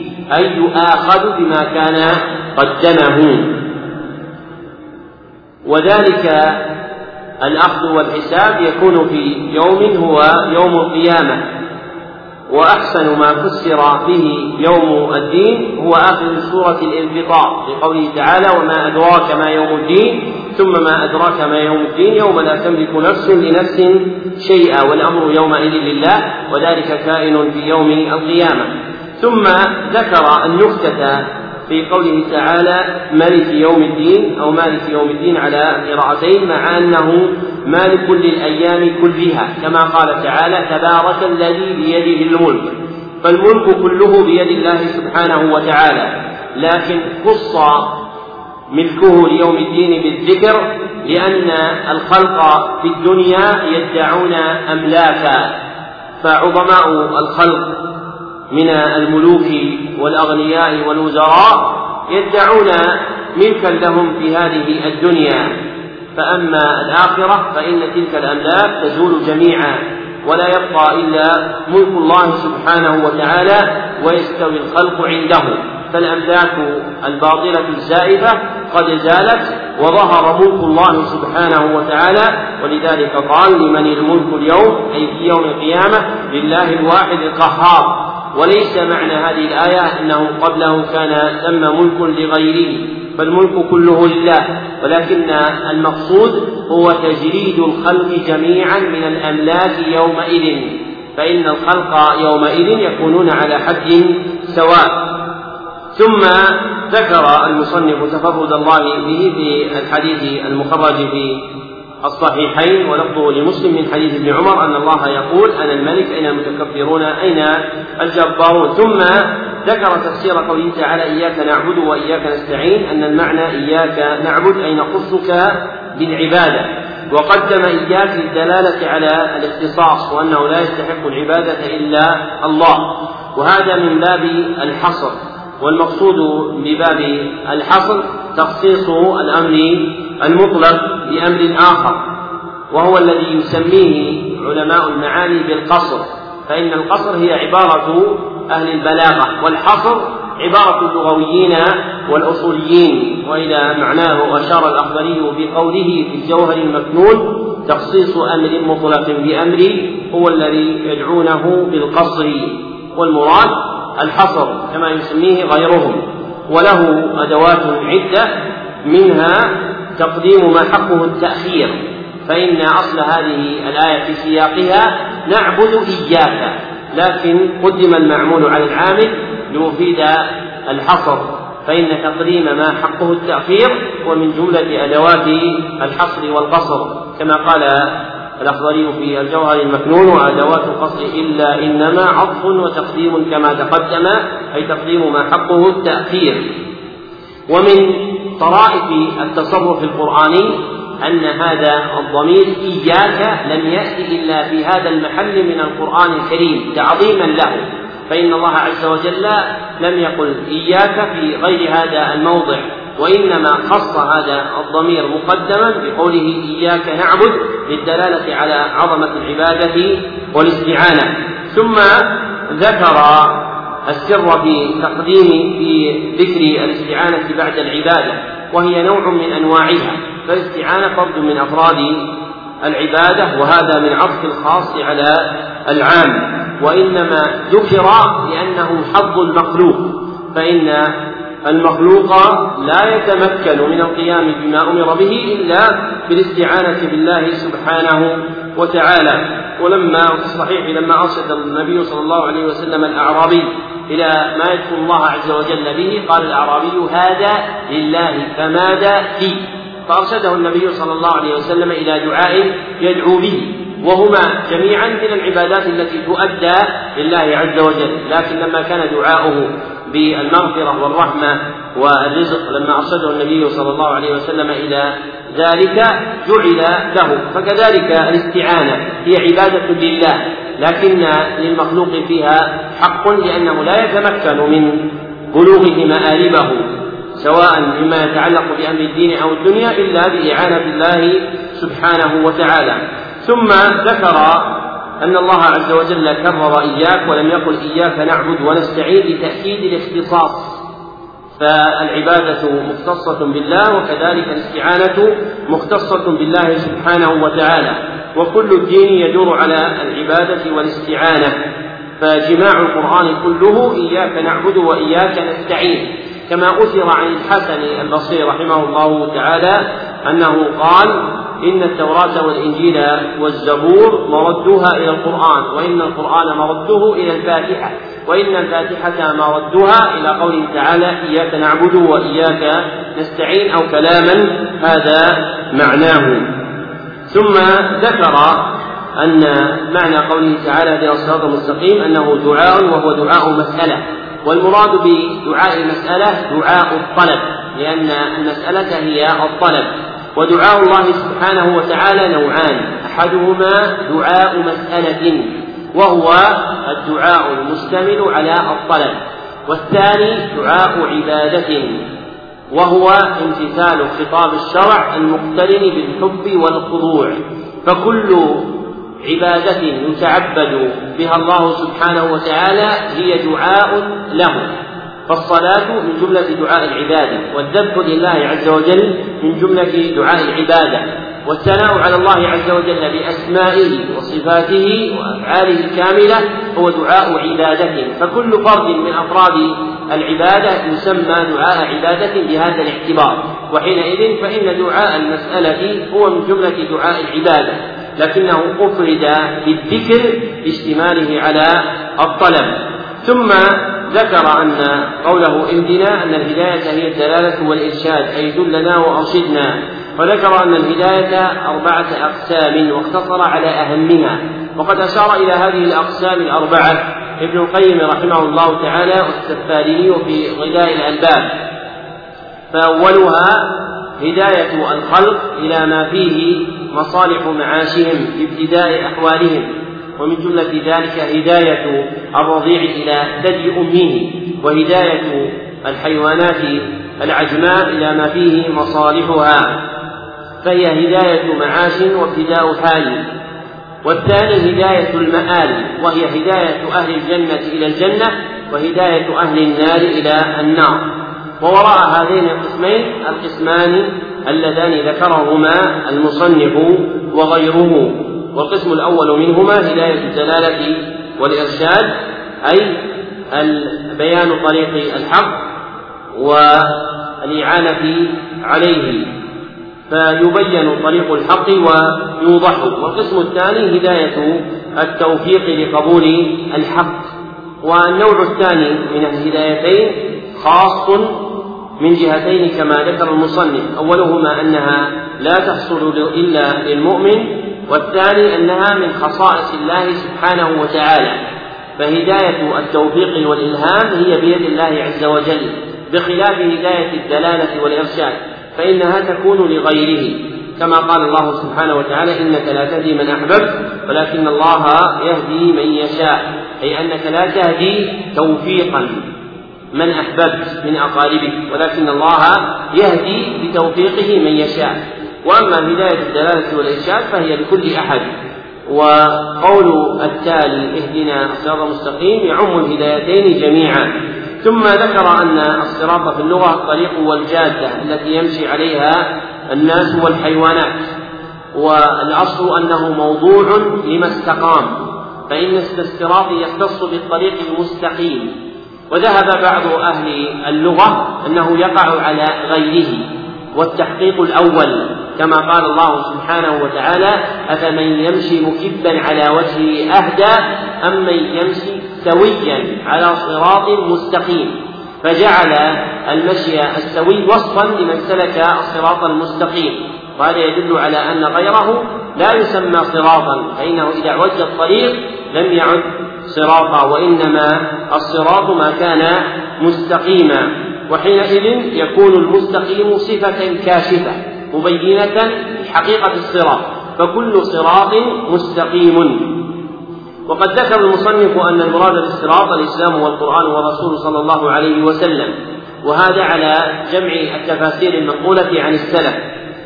وهذه الأقوال المنقولة عن السلف في تفسير الصراط هي من ذكر بعض أفراد العام كما أشار إلى ذلك ابن تيمية في مقدمته المعروفة في أصول التفسير. والذي ثبت به الخبر عن النبي صلى الله عليه وسلم تفسير الصراط بالإسلام كما جاء في حديث ثوبان عند أحمد بسند جيد وهو عند الترمذي إلا أن إسناده عنده ضعيف. وما عدا ذلك راجع إليه فالصراط الإسلام. ومن جملة الإسلام كتابه وهو القرآن ورسوله وهو محمد صلى الله عليه وسلم وأصحابه كابي بكر وعمر وعثمان وعلي رضي الله عنهم. فمن ذكر شيئا من هذه الأفراد فإنما يذكر بعض أفراد العام. ثم فسر المصنف المستقيم بأنه لا اعوجاج فيه ولا خفاء فهو مستقيم واضح لا يضل من سار عليه فهو جامع بين وصفين اثنين. أحدهما أنه لا اعوجاج فيه. فليس فيه ميل ولا انحراف بل هو طريق مستقيم لا التواء فيه. والثاني أنه لا خفاء فيه بل هو دين واضح لا سر فيه. وإنما يذهب الدين ويموت إذا كان سرا لبعض الخلق دون بعض كما قال عمر بن عبد العزيز رحمه الله تعالى إنما يذهب العلم إذا كان سرا أي لا يظهر ولا يشاع فالدين واضح جلي وأما غيره فهو طريق معوج كما قال الله سبحانه وتعالى وأن هذا صراطي مستقيما فاتبعوه ولا تتبعوا السبل. فصراط الله واحد لا انقسام فيه ولا اعوجاج ولا خفاء. وأما غيره فهو معوج. وقد قال المصنف أما الصراط المعوج فهذا طريق الضلال. والمختار عند التحقيق أن وصف الصراط لا يكون منجمعا مع وصف الاعوجاج فلا يصح أن يقال الصراط المعوج لأن كل صراط مستقيم وإنما يقال وأما الطريق المعوج لأن الطرق منها ما هو مستقيم ومنها ما هو معوج ثم ذكر الحديث الوارد في قراءة النبي صلى الله عليه وسلم وأن هذا صراطي مستقيما فاتبعوه ولا تتبعوا السبل. وخطه صلى الله عليه وسلم خطا مستقيما وخط عن يمينه وشماله خطوطا كثيرة وهو حديث حسن. ثم ذكر تفسير قوله تعالى صراط الذين أنعمت عليهم وبين فيه أن الصراط جاء مضافا في القرآن على جهتين اثنتين أحدهما إضافته إلى الله كقوله تعالى وأن هذا صراطي مستقيما والأخرى إضافته إلى الخلق كقوله تعالى صراط الذين أنعمت عليهم. والفرق بين الإضافتين أن إضافته إلى الله هي لكونه شارعا وإضافته إلى غيره من الخلق لكونهم سالكين له. ذكر هذا ابن القيم رحمه الله تعالى في مدارج السالكين.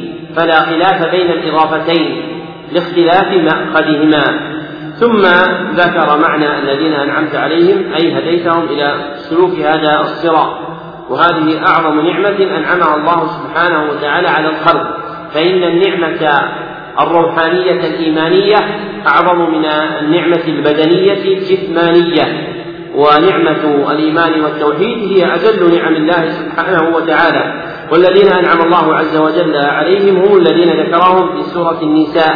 في قوله تعالى فأولئك مع الذين أنعم الله عليهم من النبيين والصديقين والشهداء والصالحين فكل هؤلاء من المنعم عليهم. وهم طبقات وقد رتبهم. المصنف بثم الدالة على تدريسهم كذلك فجعل أول طبقة هم الأنبياء ثم يليهم الصديقون ثم يليهم الشهداء ثم يليهم الصالحون من كل أمة. والواو لا تقتضي الترتيب على التحقيق عند أهل اللغة. فالآية ليست ظاهرة في ترتيب المنعم عليهم على هذه الطبقات وإن كان يقطع بأنهم طبقات مختلفة متباينة المنازل. ثم ذكر المصنف رحمه الله تعالى المعنى الذي أشار إليه ابن القيم في مدارج السالكين أن العبد إذا اشتدت به غربته وعظمت كربته فليذكر الغرباء الأولين من المنعم عليهم من النبيين والصديقين والشهداء والصالحين فإن ذلك مما يطمئنه يطمئنه ويثبت قلبه وقدمه على الصراط المستقيم لأن الطريق إلى الله سبحانه وتعالى يحتاج إلى جهاد كما قال تعالى والذين جاهدوا فينا لنهدينهم سبلنا وهذا الجهاد موجبه أن الطريق إليه محفوف بالمكاره لما ثبت في الصحيحين أن النبي صلى الله عليه وسلم قال حفت الجنة بالمكاره فهذا هو وجه مشقة الطريق. ومن الناس من يجعل وجه مشقة الطريق هو وجود الأعداء وليس الأمر كذلك. فوجود الأعداء هو بعض المشقة. وأما المشقة الكلية هي ما أخبر عنه النبي صلى الله عليه وسلم من حث الطريق إلى الله سبحانه وتعالى بالمكاره وأعظم ما يكون للعبد من هذا الحث نفسه التي بين جنبيه. فإن أعدى عدوه نفسه التي بين جنبيه فيحتاج الإنسان إلى مجاهدتها ودفع المكاره التي تعرض له في الطريق. وهذا أمر قل من يوفق إليه كما قال تعالى وما يلقاها إلا الذين صبروا وما يلقاها إلا ذو حظ عظيم. أي ذو نصيب عظيم قسمه الله سبحانه وتعالى له. ثم ختم المصنف تفسير الفاتحة بتفسير قوله تعالى غير المغضوب عليهم ولا الضالين. وهاتان الكلمتان ثبت عن النبي صلى الله عليه وسلم تفسيرهما باليهود والنصارى. فالمغضوب عليهم هم اليهود والضالون هم النصارى. إلا أن هذا التفسير لا يقتضي الحصر وإنما فيه إشارة إلى الموجب. فموجب الغضب على اليهود كون عند كونهم أهل علم لا يعملون به وموجب ضلال النصارى كونهم أهل عمل دون علم. فمن شاركهم في شيء من ذلك ألحق بهم. كما قال سفيان بن عيينة وغيره من السلف من ضل من علمائنا ففيه شبه من اليهود ومن ضل من عبادنا ففيه شبه من النصارى. فالمغضوب عليهم هم الذين يتركون العمل بالعلم. وأعظمهم اليهود والضالون هم الذين يعملون بلا علم وأعظمهم النصارى. ثم ذكر المصنف حفظه الله أن الإنسان قد يعمل ويتعب ويتقرب إلى الله سبحانه وتعالى لكنه يكون على ضلال. والمصلي إذا قال غير المغضوب عليهم ولا الضالين يسأل الله أن يجنبه طريق هذين الصنفين الذين معهم علم ولا يعملون به والذين معهم عمل ولكن بدون علم. ثم أشار المصنف من جملة ما لهم حظ من حال أهل الضلال من يزهد في العلم ويأمر الناس بأن يشتغلوا بالعبادة والذكر والخروج في الخلوات. ويسمون ذلك بالخروج في سبيل الله ويزهدون في طلب العلم ويهونون من شأنه وشأن أهله. وكل من كان كذلك فهو من نواب إبليس كما سماهم أبو الفرج بن الجوزي في تلبيس إبليس وأخذه عنه أبو عبد الله بن القيم. فكل قاطع عن العلم مزهد فيه ذام لأهله عائد لهم فإنه من نواب إبليس. لأن أعظم ما يدفع كيد الشيطان هو العلم وهو يوقف نوابا ينوبون عنه في تسديد الناس في العلم. وأعظم العلم العلم بالتوحيد كما قال تعالى فاعلم أنه لا إله إلا الله واستغفر لذنبك. والعلم قبل القول والعمل كما ذكره الله في هذه الآية من سورة محمد. وانتزعه من ذلك أبو محمد سفيان بن عيينة الهلالي كما رواه ابن نعيم الأصبهاني في كتاب الحلية. فإن سفيان ذكر أن العلم قبل القول والعمل واستدل بهذه الآية وأخذ عنه هذا المعنى أبو عبد الله البخاري في كتاب العلم من صحيحه والغافقي في مسند الموطأ فبوب باب العلم قبل القول والعمل وذكر هذه الآية. ثم ذكر المصنف أمرا جامعا لإدراك معاني هذه السورة. قال فإذا تأملت هذه السورة أدركت السر في عظمتها وأن الله ما جعلها تقرأ في كل ركعة من ركعات الصلاة إلا مكانتها وعظمتها ولما تشتمل عليه من الأمور العظيمة. ولأجل ذلك صارت أعظم سورة في القرآن الكريم. وابن القيم رحمه الله تعالى له كلام كثير في تفسير الفاتحة. أحسنه ما ذكره في صدر كتابه مدارج السالكين إنه ذكر كلاما كثيرا في تفسير الفاتحة يوقف على قدر هذه السورة. ثم ذكر المصنف أنه يستحب في الصلاة إذا فرغ المصلي من قراءتها أن يقول آمين.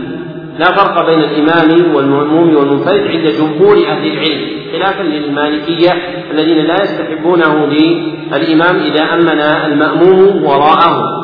والمقدم مذهب الجمهور فهو الموافق للأحاديث المروية في ذلك فيستحب للكل قول آمين عند الفراغ من الفاتحة. ومعنى آمين اللهم استجب أي استجب هذا الدعاء فهو تأمين على دعاء هذه السورة. والتأمين ليس واجبا في الصلاة ولا غيرها وإنما هو مستحب يجهر به في الصلاة الجهرية سواء كان إماما أو مأموما أو منفردا. وأما إذا كان يقرأ سرا فإنه يسر بها.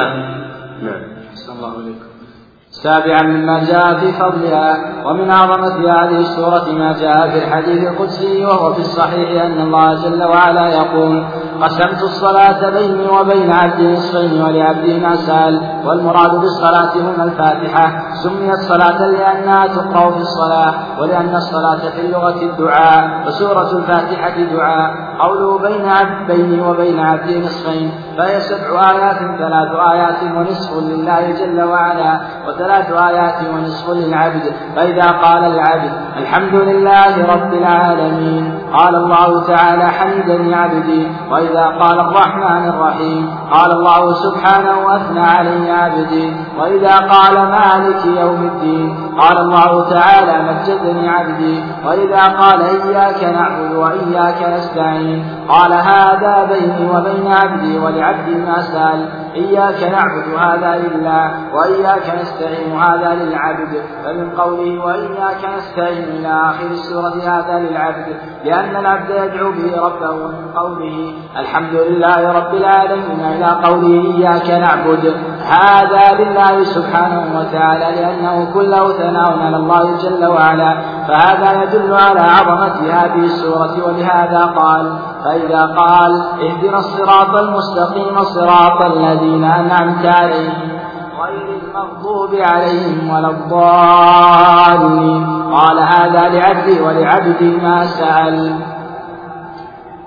ذكر المصنف أمرا سابعا يتعلق بالدرس الثاني في سورة الفاتحة وهو مما جاء في فضلها وذكر فيه الحديث القدسي أي المضاف إلى الله سبحانه وتعالى فإن التقديس هو التنزيه ومن أسماء الله عز وجل القدوس أي المنزه عن كل عيب ونقص فإضافة القدسية إليه على إرادة التنزيه فالأحاديث التي تروى عن الله عز وجل يقال فيها الأحاديث القدسية أو الأحاديث الإلهية أو الأحاديث الربانية فهي ألقاب ثلاثة للحديث المروي عن الله سبحانه وتعالى. ومن جملة الأحاديث الإلهية حديث أبي هريرة في صحيح مسلم في بيان قسمة الفاتحة بين الله سبحانه وتعالى وبين العبد وبين المصنف حفظه الله وجه قسمتها بما تضمنه هذا الحديث العظيم. وهذا الحديث العظيم مفسر لما جاء في سيد الاستغفار من قول القائل وأنا على عهدك ووعدك ما استطعت. فإن المتكلمين في شرح هذه الجملة من شراح الحديث ضربوا فيها خط عشواء على أقوال عدة. والصحيح أن العهد والوعد هما المذكوران في سورة الفاتحة. فإن الإنسان إذا قال إياك نعبد وإياك نستعين قال الله هذا بيني وبين عبدي وهذا هو العهد. وإذا قال اهدنا الصراط المستقيم قال الله عز وجل هذا لعبدي ولعبدي ما سأل وهذا هو الوعد. فتكرير ذلك في اليوم والليلة مرات عديدة عند قراءة الفاتحة دليل على أن هذا هو الوعد والعهد المذكور في سيد الاستغفار. المأمور به استحبابا في أذكار الصباح والمساء. ثامنا الفوائد المستنبطة منها ومما يتعلق بهذه السورة ويدل على عظمتها ما قاله العلماء رحمهم الله إن هذه السورة تشتمل على معان جليلة منها أولا فيها إثبات التوحيد بأنواعه الثلاثة فقوله الحمد لله رب العالمين. هذا في توحيد الربوبية وقوله الرحمن الرحيم مالك يوم الدين. هذا في توحيد الأسماء والصفات وقوله إياك نعبد وإياك نستعين. هذا في توحيد الألوهية ففيها أقسام التوحيد الثلاثة. ثانيا فيها إثبات الرسالة لأن قوله رب العالمين فيه إثبات ربوبيته لجميع خلقه ومقتضى أن لا يترك عباده بدون ما يصلحهم ومن أعظم ما يصلح العباد إرسال الرسل كذلك قوله اهدنا الصراط المستقيم فإن الصراط المستقيم لا يتبين إلا بإرسال الرسل عليهم الصلاة والسلام ففيها إثبات الرسالات. ثالثا فيها الرد على الطوائف الضالة ففيها الرد على الملاحدة والمعطلة الذين لا يؤمنون برب فإن قوله رب العالمين رد على الملاحدة الذين يرون أن العالم رد على الملاحدة الذين يرون أن العالم ليس له رب وإنما هو الذي يكون نفسه والطبيعة هي التي تكون هذه الأشياء وتوجدها. وهذا مخالف للعقول لأنه لا يمكن وجود مخلوق بدون خالق ولا يمكن حصول فعل بدون فاعل أبدا. فهذا الكون كله وهذا الخلق يدل على الخالق سبحانه وتعالى وأنه هو الذي أوجده وصرفه ودبره وكونه. وفيها رد على المشركين الذين يؤمنون بالرب. لكن يشركون معه في العبادة. وذلك في قوله الحمد لله رب العالمين. وقوله إياك نعبد وإياك نستعين وقوله اهدنا الصراط المستقيم. هذا كله فيه رد على المشركين الذين يعبدون الله ويعبدون معه غيره وفيها رد على الجهمية والمعتزلة ومنكر الصفات وفيها الرد على منكر البعث وذلك في قوله مالك يوم الدين. والدين هنا هو الجزاء والحساب ففيها إثبات البعث وفيها الرد على اليهود والنصارى ومن سار على طريقهم ممن أخذ العلم وترك العمل.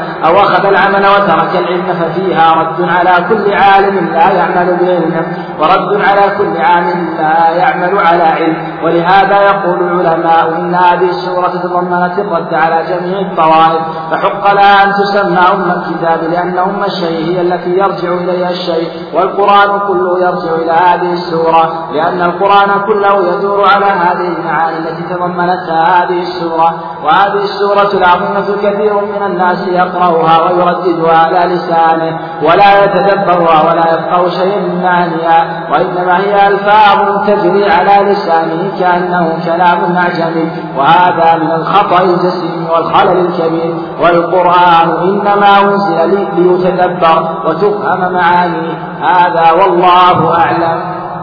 ختم المصنف حفظه الله الدرس المتعلق بالسورة الفاتحة ببعض الفوائد المستنبطة منها وهذه الفوائد المستنبطة منها هي هداية القرآن على الحقيقة فإن القرآن هدى للناس كما قال تعالى إن هذا القرآن يهدي للتي هي أقوم وأكثر المفسرين يعتنون ببيان معاني الجمل والألفاظ ولا يعتنون ببيان ما تضمنه القرآن من الهداية كما ذكر العلامة ابن باديس رحمه الله تعالى في مجلس ختم تفسيره في قسنطينة أنه قرأ تفسير البيضاوي درسا كاملا في الزيتونة.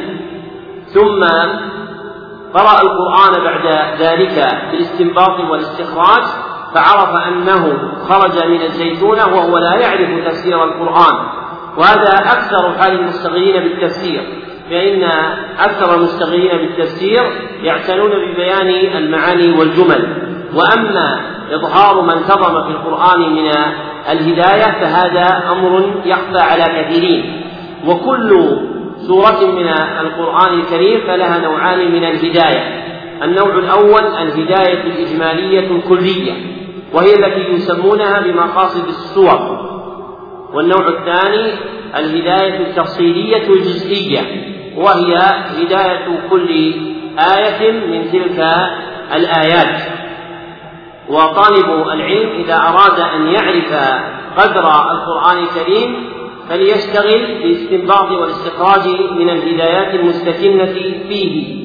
فإن هدايات القرآن هي التي تزيد الإيمان وترسخ الإيقان. ومن المتأخرين من يشير إليها بالفوائد المستنبطة والأوفر اتباعا لما وضعه القرآن من الدلالة تسميتها هداية القرآن. فمن جملة هداية القرآن في هذه السورة إثبات التوحيد بأنواعه الثلاثة. وسبق بيانه في المجلس الأول.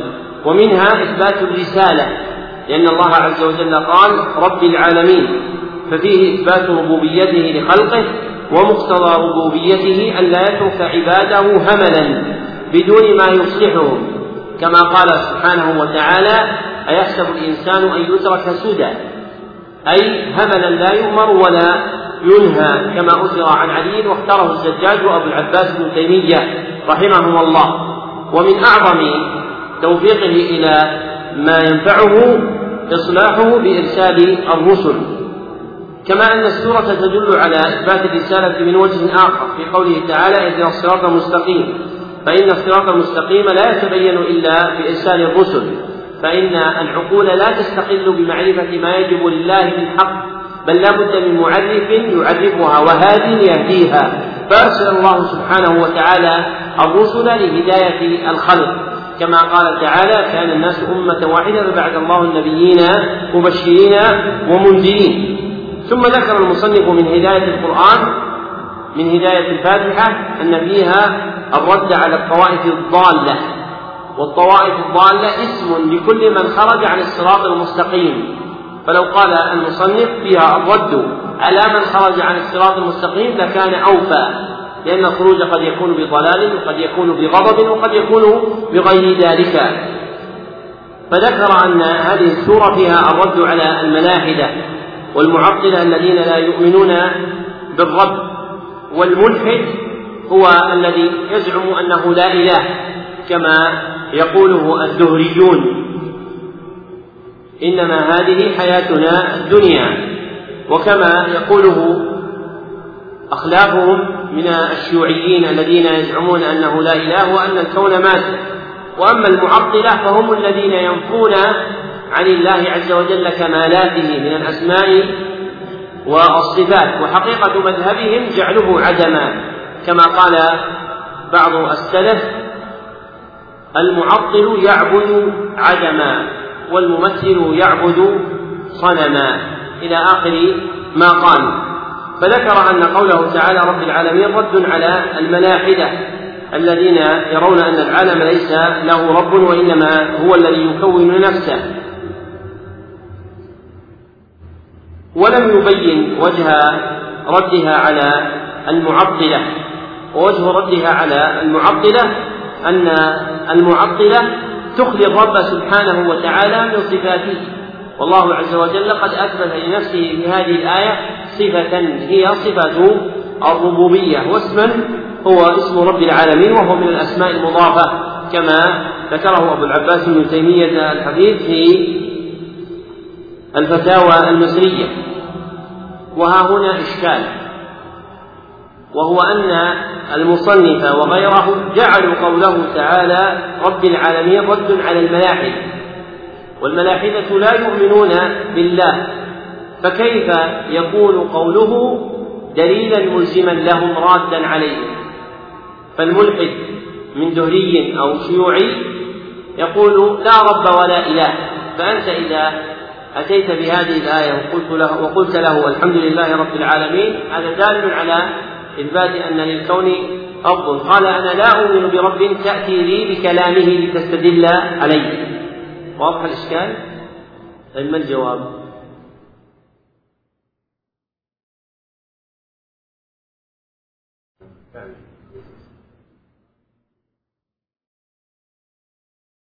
يعني إيش وجه استدلاله برب العالمين؟ المناظر للدوليين والشيوعيين عندما يستدل برب العالمين. الجواب أنه لا يستدل بالآية وإنما يستدل بالدليل العقلي المستكن فيها. فإن الدليل العقلي المستكن فيها هو أن الموجودات لا بد لها من موجد والمكونات لا بد لها من مكون والمخلوقات لا بد لها من خالق. فإن الدهريه والشيوعي يؤمنان بأن ضم شيء إلى شيء يحدث موجودا آخر لتعلقهم بالأسباب والمسببات والمسببات. فهم يؤمنون بأن ضم الرمل إلى الماء إلى أخلاق أخرى يصنع اسمنتا تبنى به البيوت. وإذا كان هذا في حال هذه الأشياء الصغيرة فإن هذه الأمور العظيمة الموجودة في الكون يقطع بأنه لا بد لها من موجب يوجدها وأنها لا تنفك عن مكون يكونها تبعا لإيمان الملحد بالأسباب والمسببات. فإذا كان الملحد والدهري يؤمن بتأثير الأسباب والمسببات لأنه يقول الحياة مادة أي يؤثر بعضها في بعض وجب عليه أن يؤمن بما هو أعظم من ذلك. كما قيل لأعرابي أتعرف الله؟ فقال نعم. فقيل له بما عرفت فقال البعرة تدل على البعير والأثر يدل على المسير فسماء ذات أبراج وبحار ذات أمواج وأراض ذات فجاج ألا تدل على الواحد القهار سبحانه وتعالى؟ كما قال ابن المعتز وفي كل شيء له آية تدل على أنه الواحد فيا عجبا كيف يعصى الإله أم كيف يجحده الجاحد؟ فهذا وجه الاستدلال منها على الرد على الملاحدة. ثم ذكر أن فيها ردا على المشركين الذين يؤمنون بالرب لكن يشركون معه في العبادة. لما تقدم أن من آمن بالله ربا لزمه أن يؤمن به إلها معبودا. وفيها أيضا الرد على الجهمية والمعتزلة ومنكر الصفات لما فيها من أسماء الله وصفاته. وفيها الرد على منكر البعث لقوله تعالى مالك يوم الدين والدين هنا هو الجزاء والحساب. وذلك يكون إذا بعث الله الموتى يوم القيامة. وفيها الرد على اليهود والنصارى ومن سار على طريقهم ممن أخذ العلم وترك العمل أو أخذ العمل وترك العلم لنسبتهم إلى الغضب والضلال. ولهذا قال بعض أهل العلم وهو ابن القيم رحمه الله تعالى في مدارج السالكين أن هذه السورة تضمنت الرد على جميع الطوائف ولابن القيم كلام جليل في مدارج السالكين في أوله ذكر كيفية الرد على الطوائف الضالة من هذه السورة. الدرس الثالث تفسير الآيات العشرين الأول من سورة البقرة. أولا تمهيد. هذه السورة الثانية في المصحف تسمى سورة البقرة لأن الله سبحانه وتعالى ذكر فيها قصة البقرة التي أمر بنو إسرائيل بذبحها لمعرفة قاتل القتيل الذي اشتبهوا في قاتله. وهذه سورة عظيمة تضمنت علوما غزيرة في العقيدة والأحكام وقصص الأمم السابقة وغير ذلك. وقد حث النبي صلى الله عليه وسلم على تعلمها فقال تعلموا سورة البقرة فإن أخذها بركة وتركها حسرة ولا يستطيعها البطلة. أي الشياطين لا يستطيعون البقاء في المكان الذي تقرأ فيه هذه السورة. كما جاء في الحديث إن الشيطان ينفر من البيت الذي تقرأ فيه سورة البقرة. ومعنى تعلمها وأخذها تعلم قراءتها على الوجه الصحيح ومعرفة معانيها وتفسيرها. وليس المراد مجرد القراءة أو تعلم القراءة فقط. إنما المراد تعلم قراءتها وتعلم معانيها حتى يعمل بها. ولهذا يقول أحد الصحابة رضي الله عنهم كنا لا نتجاوز عشر آيات حتى نتعلم معانيها حتى نتعلم معانيها والعمل بها. قال فتعلمنا العلم والعمل جميعا. هذا هو المقصود من تعلم البقرة وغيرها من القرآن. تعلم قراءة على الوجه الصحيح وتعلم المعاني والتفسير بقصد العمل والامتثال. لما فرغ المصنف حفظه الله من تفسير سورة الفاتحة أتبعها بدرس آخر فيه تفسير الآيات العشرين الأول من سورة البقرة لأنها بعد الفاتحة في كتابة المصحف. وهذه السورة سورة عظيمة وسميت بسورة البقرة لما فيها من ذكر قصة البقرة التي أمر بنو إسرائيل بذبحها. لمعرفة قادر الخفيف في القصة المذكورة فيها. وهذه السورة سورة عظيمة. قد أرشد النبي صلى الله عليه وسلم إلى العناية بها كما جاء في حديث أبي أمامة عند مسلم أن النبي صلى الله عليه وسلم قال اقرأوا سورة البقرة فإن أخذها بركة وتركها حسرة ولا يستطيعها البطلة. وجاء هذا الحديث عند أحمد بلفظ تعلموا وهو المراد بلفظ اقرأوا عند مسلم فليس المراد مجرد قراءة وإنما القراءة المقرونة بالعلم والعمل. وقد فسر المصنف البطلة بأنهم الشياطين وأكثر أهل العلم يفسرون البطلة بأنهم السحرة. فقد فسرها بذلك أحد رواة الحديث وهو معاوية بن سلام في صحيح مسلم. وتتابع على ذلك كثيرون. والأرجح والله أعلم أن البطلة هم الشياطين لما جاء في الحديث المخرج في صحيح مسلم أن النبي صلى الله عليه وسلم قال إن الشيطان ينفر من البيت الذي تقرأ فيه سورة البقرة ومعنى ينفر يفر كما جاء في رواية أخرى للحديث في غير الصحيح لكن رواية الصحيح ينفر. ثم بين المصنف معنى التعلم والأخذ وهو تعلم القراءة مع معرفة المعاني مع العمل كما كان الصحابة على ذلك فيما رواه ابن جرير وغيره بسند صحيح عن أبي عبد الرحمن السلمي رحمه الله تعالى قال حدثنا الذين كانوا يقرؤوننا القرآن عثمان بن عفان وابن مسعود قالوا كنا لا نتجاوز عشر آيات حتى نتعلم معانيها والعمل بها. قال فتعلمنا العلم والعمل جميعا. وهذا هو دأب السلف وعادتهم في أخذ القرآن. وسبق الإشارة إلى شيء من ذلك في شرح مقدمة أصول التفسير لأبي العباس بن تيمية الحفيظ نعم. قوله تعالى ألف لام افتتح الله هذه السورة بقوله ألف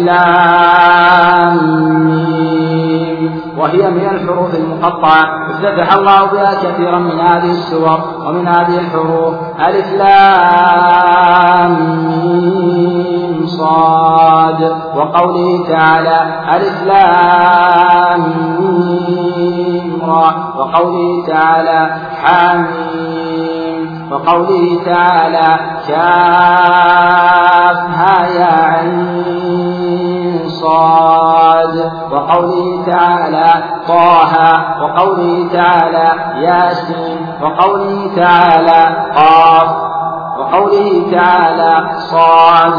وقوله تعالى حميم. عن سين قاف. وقد اختلف العلماء في على أقوال نكتفي منها بقولين. القول الأول ذهب الجمهور إلى أنها تمر كما جاءت لأنها مما استأثر الله تعالى بعلمه فلا يبحث عنها لأنه لا دليل على البحث فيها وتعيين المراد منها.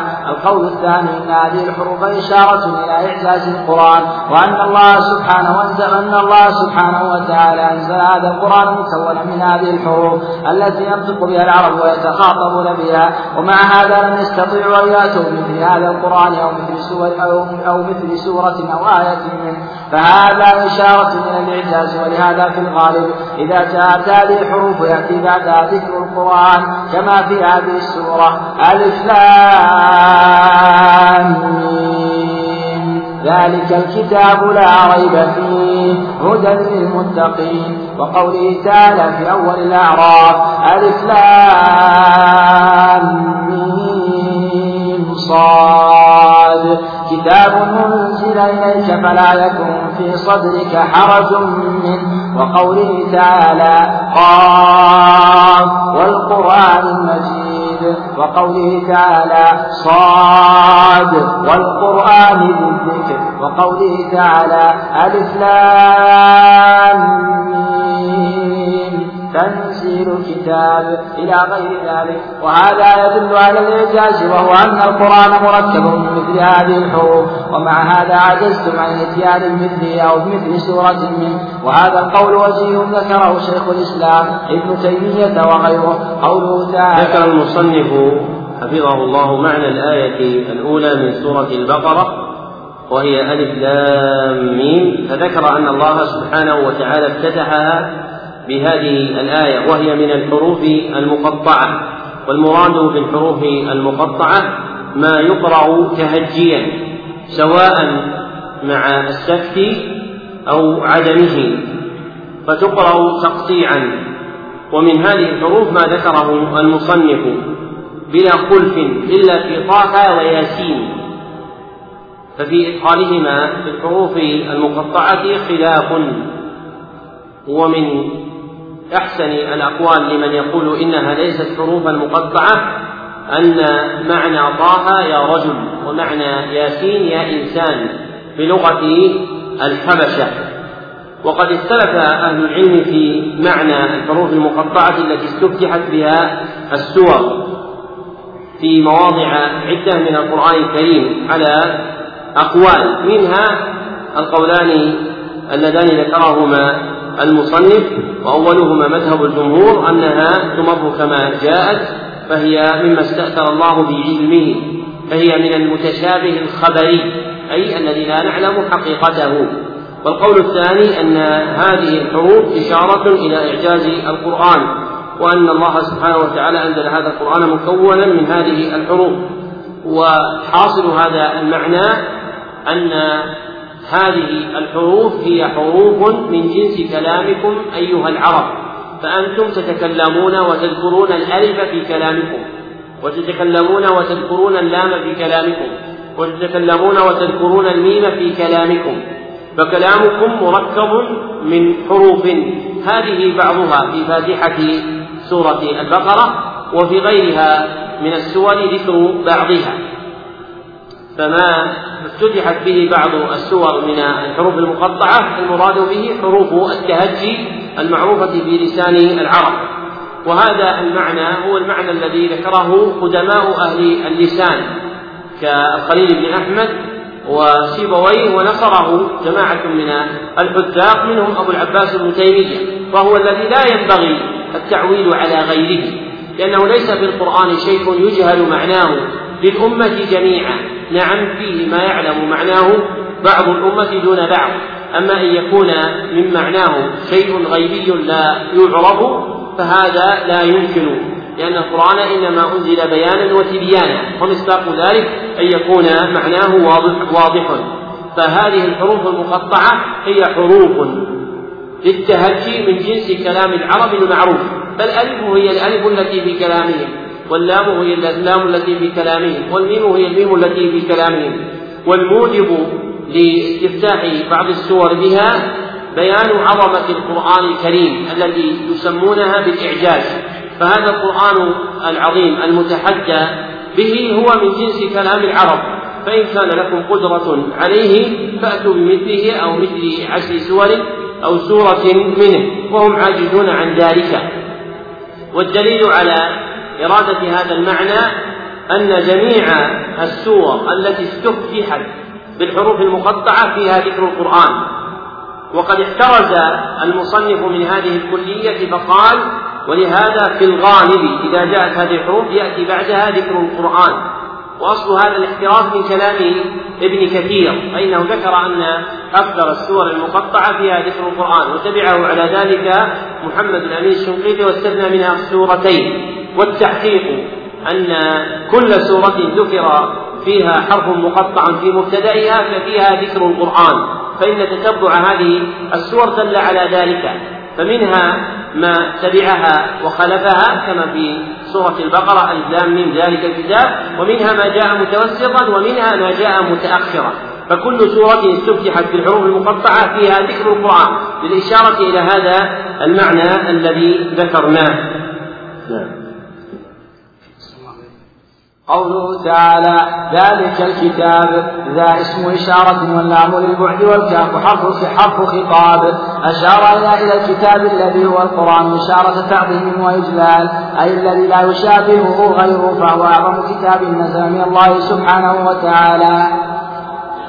ثم قال لا ريب فيه نفى عنه الريب والريب الشك فلا يتطرق إليه شك ولا يأتيه الباطل من بين يديه ولا من خلفه. ولو كان من عند غير الله لوجدوا فيه اختلافا كثيرا. وقوله تعالى هدى للمتقين. هذه صفة ثانية للقرآن والهدى معناه الدلالة والإرشاد إلى الطريق الصواب. فالقرآن فيه دلالة وإرشاد إلى طريق الحق وطريق الجنة. والهدى كما ذكرنا ينقسم إلى قسمين هدى دلالة وإرشاد وهدى توفيق وإلهام. أو هداية القلوب فهذا القرآن هدى للمتقين. والمتقون جمع متق وهو من اتصف بالتقوى.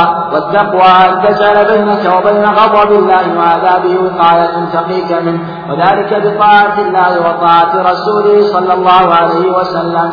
فالمراد بالمتقين الذين اتخذوا بينهم وبين عذاب الله وقاية بطاعة الله سبحانه وتعالى وعرف العلماء التقوى بأنها أن تفعل ما أمرك الله على نور من الله ترجو ثواب الله وأن تترك ما نهى الله عنه على نور من الله تخاف من عقاب الله.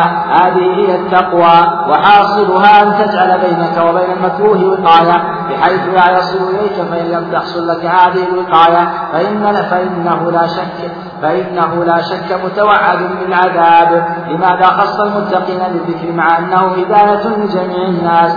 كما قال في أثناء هذه السورة شهر رمضان الذي أنزل فيه القرآن هدى للناس أي لجميع الناس بمعنى أنه دل الناس على الخير. فمن أراد الخير وجده ومن أعرض قامت عليه الحجة. لأن الله هدى جميع الناس بمعنى أنه بين لهم ودلهم وأرشدهم فمنهم من انتفع ومنهم من لم ينتفع. والجواب أنه إنما خص المتقين لأنهم هم الذين انتفعوا به واهتدوا به. وأما غيرهم فإنما قامت عليهم الحجة وانقطعت معذرتهم حيث لم يبق لهم عذر عند الله سبحانه وتعالى. ذكر المصنف حفظه الله بعد ذلك تفسير الآية الثانية من سورة البقرة ويقول تعالى ذلك الكتاب لا ريب فيه هدى للمتقين فجعل ذا اسم إشارة واللام للبعد والكاف حرف خطاب وأنها إشارة إلى القرآن الكريم. وجعلت هذه الإشارة للبعيد مع كونه قريبا بأيدينا لإرادة التعظيم. ولذلك قال إشارة تعظيم وإجلال. فكأن قوله تعالى ذلك الكتاب سياقه هذا الكتاب. لكن أشير له على معنى البعد للتعظيم له. وهذا قول كثيرين في تفسير هذه الآية وغيرها. والذي دل عليه تتبع آية القرآن أن القرآن يذكر تارة ويشار إليه بالقرب كما قال تعالى إن هذا القرآن يهدي للتي هي أقوم. وقال تعالى إن هذا القرآن إن هذا القرآن يقص على بني إسرائيل. وتارة يذكر ويشار إليه بالبعد كما قال تعالى ذلك الكتاب لا ريب فيه. والفرق بين الإشارتين إلى أن الإشارة للقريب في قوله تعالى هذا القرآن أي القريب المتلو الذي بأيدينا فهي إشارة إلى المتلو الذي بأيدينا. وأما الإشارة إلى البعيد فهي الإشارة إلى القرآن المكتوب في اللوح المحفوظ الذي أنزله الله سبحانه وتعالى بعد ذلك إلى سماء إلى بيت العزة في السماء الدنيا كما ثبت في أثر ابن عباس المعروف. فكأن قوله تعالى ذلك الكتاب هو إشارة إلى المكتوب في اللوح المحفوظ والمنزل في بيت العزة وهو بعيد منا فيشار إليه بالبعد. والدليل على هذا المأخذ هو أنه لم يأتي بالقرآن الكريم قوله تعالى ذلك القرآن وإنما جاء ذلك الكتاب. فتكون الإشارة إلى الكتابة مرادة. والكتابة البعيدة هي كتابته في اللوح المحفوظ فإن الكتب التي نزلت على الملائكة مكتوبة في اللوح المحفوظ كما في قوله تعالى يتلو صحفا مطهرة فيها كتب قيمة. فالإشارة إلى الكتب المكتوبة في اللوح المحفوظ مما أنزله الله سبحانه وتعالى على رسله. فحينئذ لا تكون الإشارة في قوله تعالى ذلك الكتاب على إرادة القريب وأن معنى ذلك الكتاب أي هذا الكتاب هو القرآن. بل المراد ذلك الكتاب البعيد المكتوب في اللوح المحفوظ وهو القرآن المكتوب في ذلك الموضع. وأما هذا القرآن فالمراد بالإشارة إلى القريب الذي بأيدينا نقرأه ولذلك أشير إليه بالقراءة. ثم بين معنى الريب المنفي وجعل الريب بمعنى الشك. وقد نقل ابن أبي حاتم الإجماع على تفسير الريب بالشك. وهذا الإجماع المنقول صحيح باعتبار أن الشك فرد من أفراد الريب لا أنه المعنى الذي وضع له في لسان العرب. فالريب ليس شكا مجردا ولكنه شك مشتمل على قلق واضطراب. ولهذا فالصحيح أن الريب هو قلق النفس واضطرابها. واختار هذا جماعة من المحققين في التفسير منهم الزمخشري وأبو العباس ابن تيمية وابن القيم وابن رجب والسمين الحلبي. فالريب لا يكون إلا مع وجود القلق والاضطراب فهو شك مقترن بذلك وليس شكا مجردا. فمن فسره بالشك فسره ببعض أفراده وهو أعظم تلك الأفراد. والريب المنفي عن القرآن الكريم نوعان اثنان. أحدهما ريب يتطرق إليه وهو الذي ذكره المصنف فقال فلا يتطرق إليه شك ولا يأتيه الباطل من بين يديه ولا من خلفه. والثاني ريب يتولد منه. فإنه لا ينشأ من القرآن عند أهل الإيمان والإيقان ريب بل يزيدهم إيمانا على إيمانهم.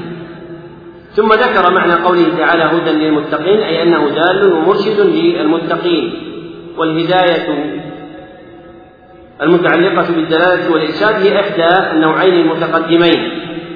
ثم ذكر أن معنى المتقين جمع متق وهو من اتصل بالتقوى وفسر التقوى بقوله أن تجعل بينك وبين غضب الله وعذابه وقاية إلى آخر ما ذكر. وليس هذا هو ما يتقى فقط فإن الله عز وجل أمر باتقائه فقال يا أيها الناس اتقوا ربكم. وهذا التفسير ليس فيه ذكر اتقاء الله عز وجل.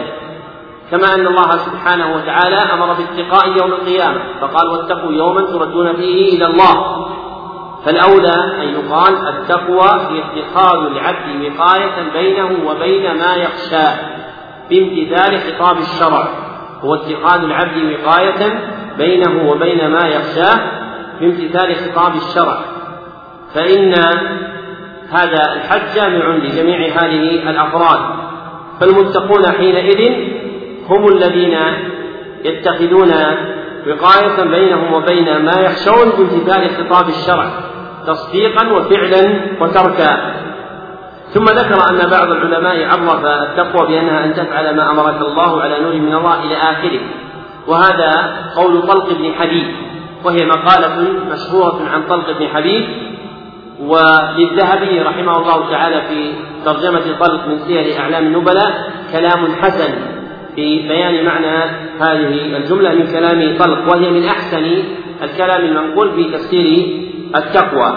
ثم بعد ذلك أورد سؤالا ببيان وجه تخصيص المتقين بالذكر مع أن القرآن هداية للناس جميعا كما قال الله عز وجل شهر رمضان الذي أنزل فيه القرآن هدى للناس. وهذه الآية من سورة البقرة جعلت فيها الهداية خاصة بالمؤمنين.